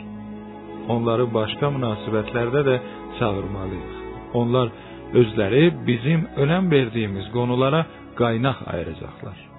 Futbola bilmədən daha çox önəm verdiyimizdə doğal olaraq onlar da ilgi və sayğınlıq qazanacaqları qonuya yatırım yaparlar. Aydınlıq çağı Avropasında bilim və bilim adamları seçkinliyin ölçüdü, yəni meyarı olduğu üçün kapitalistlər bilimə yatırım yaparaq bilimsel devrimi maliyyələşdirdilər. Öte yandan rantçı Öte yandan rantçı zənginlər Ərdəmin nə olduğunu anlamadıkları və varlı kültüründən yoxsun olduqlarından Ərdəmin nə olduğunu bilməzlər. Pulları ilə öqdələrini açmaq, daha çox rant əldə etmək və ağazadə bəsləmək istəyərlər. Bizdə doktor heyət və Fars millətçilərində Əfşar ailəsinin bilimə dəyər verməsi təsadüf deyildir. 8-ci milli hərəkətin savunduğu qurumları, dəyərləri, oyun qurallarını və düzgüləri, yəni normları aydın bir biçimdə açıqlamaq üçün bir manifest hazırlanmalıdır. Manifest əslində bir hərəkətin istəkləri və amaclarını hamıya anlatmaq üçün yazılar ancaq yazım sürəcində amacların gözdən keçirilməsinə və hərəkət içində də oyun qurallarının şəffaflaşmasına yol açar. Bu yöndəki önərim bir geniş manifest və daha sonra içindən qısa manifest çıxarmaqdır. İkisi də yayımlana bilər. Manifest genəldə düzgüsəl, yəni normativ cümlələrdən oluşar. Normativ cümlələr nəyin olması və nəyin olmaması gərəkdiyini açıqlar. Məncə geniş manifestdə biz olumlu, yəni pozitiv açıqlamalara yer verməliyik. Olumlu cümlə ya açıqlama nəyin olub olmaması gərəkdiyi deyil. Gerçəklik olaraq gördüyü durumu açıqlar. Misal üçün İranda özgürlük yoxdur. Bir olumlu açıqlama və İranda özgürlük olmalıdır bir düzgüsəl ya normativ açıqlamadır. Olumlu açıqlama nədən bəlli dəyişiklikləri istədiyimizi açıqlayaraq oxuyucu iqna etməyi amaclar manifestin yazılışında qadınların və gənclərin də güclü qatılımı olmalıdır. İranın indiki durumu etkisində qısa zamanda zəif bir manifest hazırlanmamalıdır. Yazılmadan öncə toplantılar və özəl sayılarla ön hazırlıqlar olmalıdır. Yazıldıktan sonra Fars olmayan və Fars demokrat qruplara göndərilərək ortaq bir manifest hazırlana bilər. İranın ən böyük millətidirlər. Bunu mənimsəyərək oyunu bu gerçəkliyə görə oynamalıyıq. Bəluçlar, Kürdlər, Ərəblər və başqa millətlər türklər olmadan bir sonuca çata bilməzlər. Türklərin belə bir cibhə oluşturması Şii Fars cəbhəsini də gücsüzləşdirir. Biz indilik potansiyel gücümüzün çox balaca bir bölümünü fe'liyyətə gətirmişik. Tərsinə Kürdlər və Bəluçlar maksimuma yaxınlaşıblar və bundan daha çox etkili olma və bundan daha çox etkili olma olanaqları bitməkdədir. 9-cu mərkəzi opozisiyondan və dövlətdən bağımsız qurumlar gəlişdirirsək, bunların üstünlüyünü sağlayan qurumlar özəlliklə rejimin yasaları və mərkəzi opozisiyonun fars üstünlüyü üzərində qurduğu oyun işləvsiz olar kağız üstündə və ya sözdə qalan oyun quralları qısa zamanda işlək olan oyun qurallarına yenilər. Örnək üçün farsçanı üstün və tək əl duruma gətirən qanunlar zehniyyət və rəsmi düşüncə türkçənin qeyri-rəsmi eğitimi ilə işləsiz olar. Dövlət və mərkəzi opozisiyon rəsmi dil oyun qurallarının onların denetimi, yəni kontrolu eşiyində eğitimə yol açdığını anlayıb öz denetimlərində rəsmi eğitimi başlada bilərlər. Bənzər durumu Türkiyədə zorunlu baş örtüsü yasasında da görə bilərik. 10-cu Türkçənin kullanım alanını genişletmək sembolik yararları yanında dil bazarında da dəyişikliyə yol açacaqdır. Z kuşağı və başqa kəsimləri türkçə yazıb oxumağa təşviq etmək türkçə əsərlərin də oxunmasına yol açacaqdır. Türkçəyə sayğınlıq qazandırmaq üçün dünya klassikləri dilimizə çevrilə bilər. Bunu misal üçün ədəbiyyat-sevərlər qrupundakı ədəbiyyatçılarımız görürlər. Türkiyə və Quzey Azərbaycanda bu əsərlər yayımlandığı üçün köçürmə, çevirmə işi daha da rahatlaşıbdır. Bilimsel qonularda qısa videolarla başlaya bilərik. Ancaq bu çalışmaları özveri, yəni fədakarlıq ilə irəlilədənlərin maddi gözləntiləri yoxdur. Dilimizə və kültürümüzə bağlılıqlarından dolayı bunları görürlər. Türkçəmizin bazarı indilik kapitalist bazarın sonu, istəm, yəni ərzə təqaza qurallarına görə deyil, mənəvi qurallara görə çalışır. Bu durumda yeni oxucuların qazandırılması və yazarların dəyər görməsi türkçəmizi də gəlişdirəcəkdir. Ayrıca mərkəzi və rəsmi quralları yan keçərək öz qurumlarımız içində oynadığımız göstərmək üçün dilçi və ədəbiyyatçılarımız Türk dili qurumunu qurmalıdırlar. Bu girişim dilimizdəki qarmaşanın azalmasına da qatqı sağlar.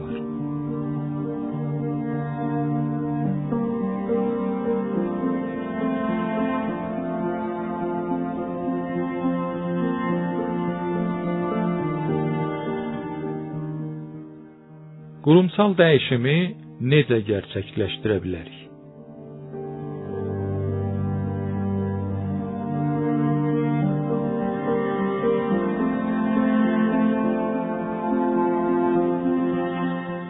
Yuxarıda paylaşdığım düşüncələr və önərilərin sayısını artıra bilərik. Düşüncələrimizi yazıya töküb paylaşaq. Doğal olaraq sorula bilər. Bunları kim gerçəkləşdirəcəkdir? Və əlimizdəki qaynaqlar və imkanlar bunun üçün yetərlimi? Bu konuda da düşüncələrimi paylaşacağam. Yenə də amacım birlikdə düşünməkdir. İlk sorunun cevabını daha önce verdim. Bu işi yalnızca Türk hareketinin faalları başlatabilir.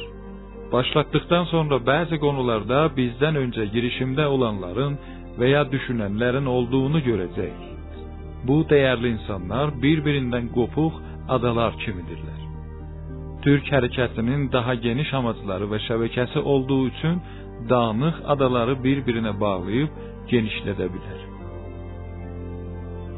Usulgaralar və islah tələblər rantlarını kullanaraq İranın hər yerində rəsmi yardımlaşma qurumları yaradıblar. Özəlliklə rejim bu kəsimlərə meydan verərək və bəzən qaynaq sağlayaraq özünə bağlı mədəni toplum və mərcə şəxslər yaratmağa çalışır. Biz bu açıdan daha çətin durumdayıq. Ancaq başqa bir açıdan böyük ayrıcalığımız var. Bizim eğitimli insan sayımız qat-qat onlardan artıqdır.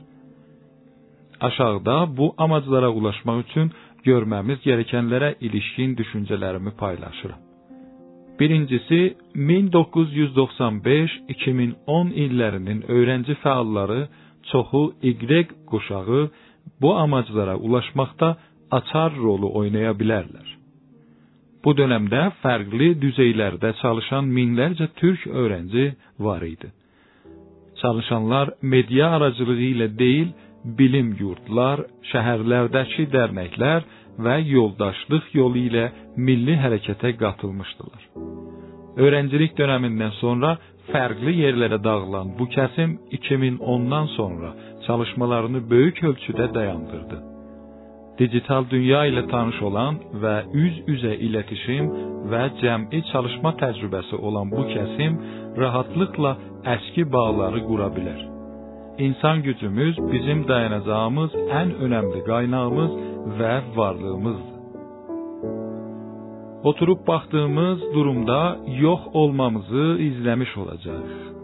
Sözünü etdiyim bu kəsimin nədən meydandan çəkildiyini incələməliyik Eski yoldaşlarla bunu danışmaq. Eski yoldaşlarla bunu danışmaq gerekir. Sonra bir daha çalışmağa başlamanın yollarını öz aramızda danışmalıyıq.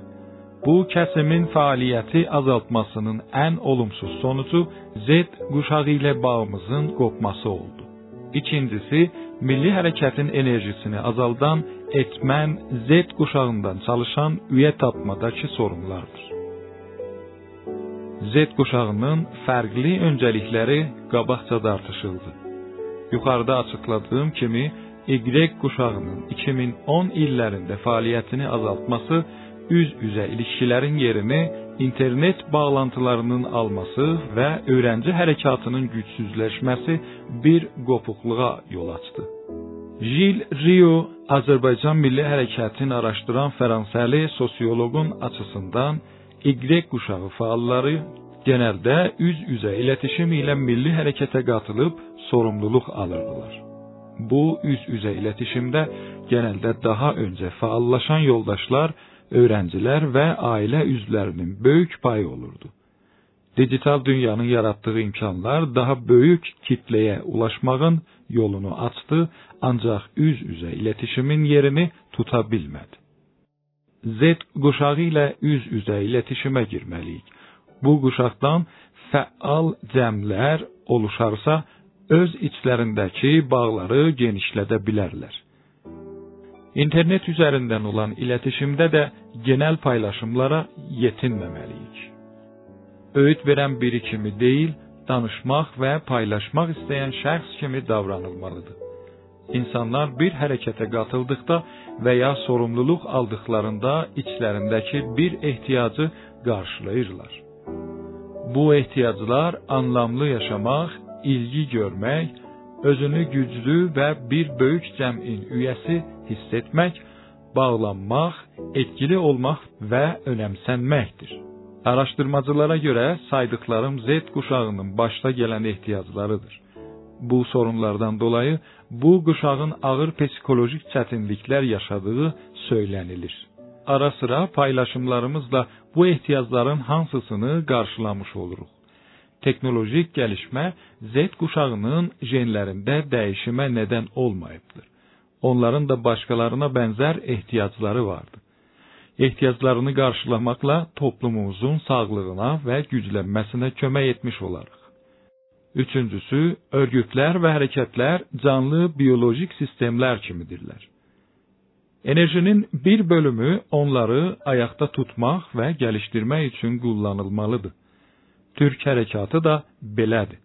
Üzülərək biz milli hərəkətin içdən bəslənməsi gərəkdiyini unutmuşuq. Enerjimizin bir bölümünü hərəkətin içindəki sorunları çözmək, bireylərin sorunları ilə ilgilənmək, bağları gözdən keçirmək, öz eleştiri və iç eğitim üçün ayırmadığımızda Y kuşağı konusunda anlattığım sorunlarla karşılaşacağız. Bunu gerçekleştirirsek daha diri bir harekete tanık olacağız. Ayrıca milli harekette bugüne kadar herfeyi faaliyetimiz olmayıptı. Herfeyi dediğimde uzun iller tek işinin milli hareket konularıyla ilgilenmek olduğunu qəsd edirəm. Bizdə hərəkət amator fəalların qatkısı ilə ayaqdadır.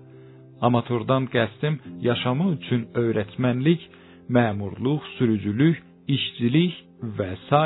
etmək zorunda olub qalan zamanlarını ülküləri, yəni idealları üçün ayıranlardır.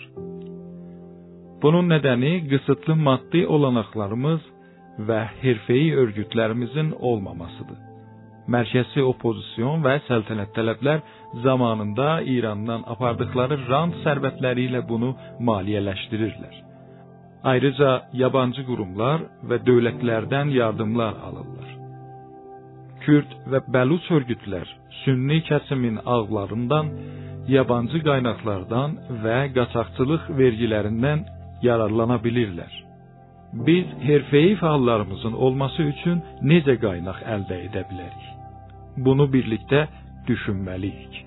Dördüncüsü, kadınların milli harekete katılımı azdır. Bunun bir nedeni ataerkil toplumda kadın olarak risk almanın çətinliyi, kadınlar ve erkeklerde geleneksel zihniyet ve sözünü ettiğim üz-üzə bağların ve cəmlərin erkək içində yaygın olması olabilir.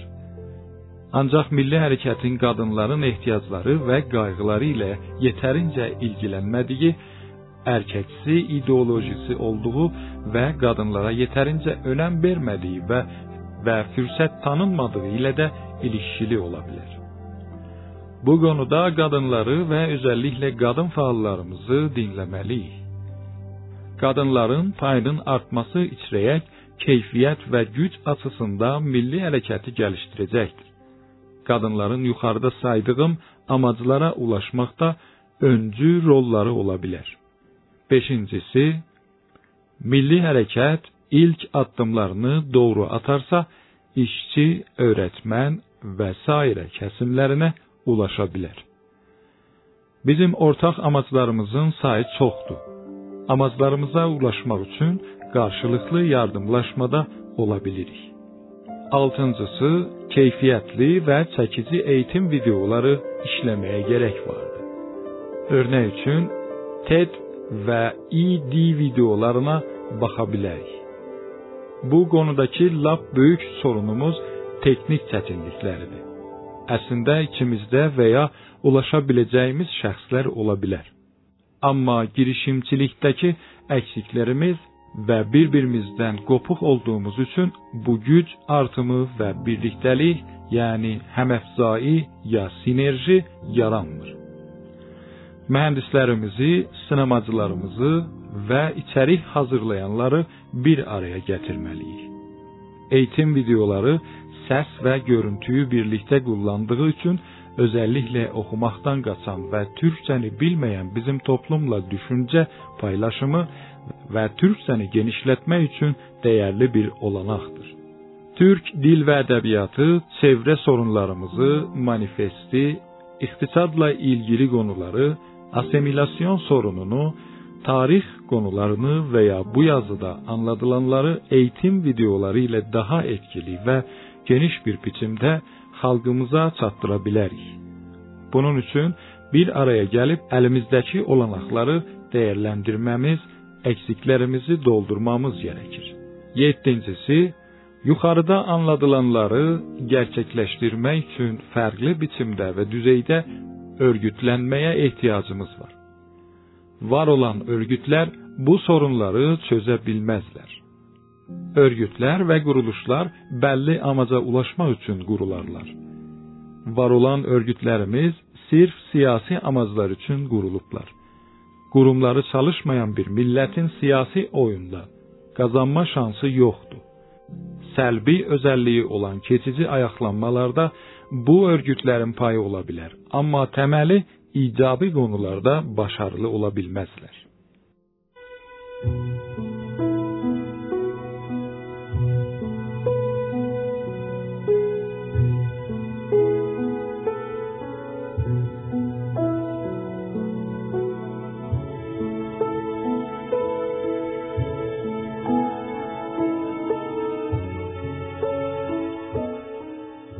son değerlendirme.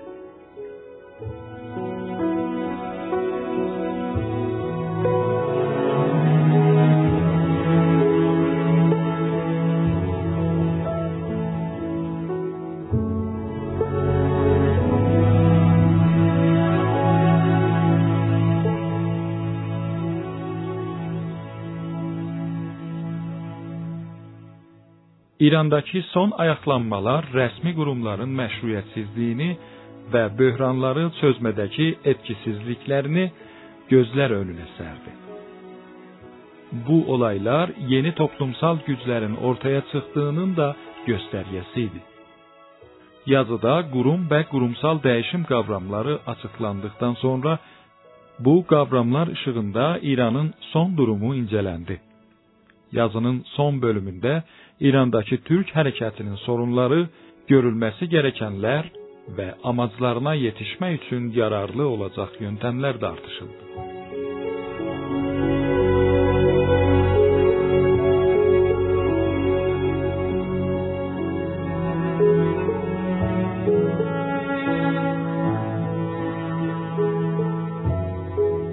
Anlatılanlardan yola çıkarak Türk hareketinin en önemli sorunun toplumsal kurumların olmamasıdır. Bu kurumlar olmadan siyasi, kültürel ve ekonomik alanda gelişme ve güçlü siyasi örgütler kurmak olanaksız görünür.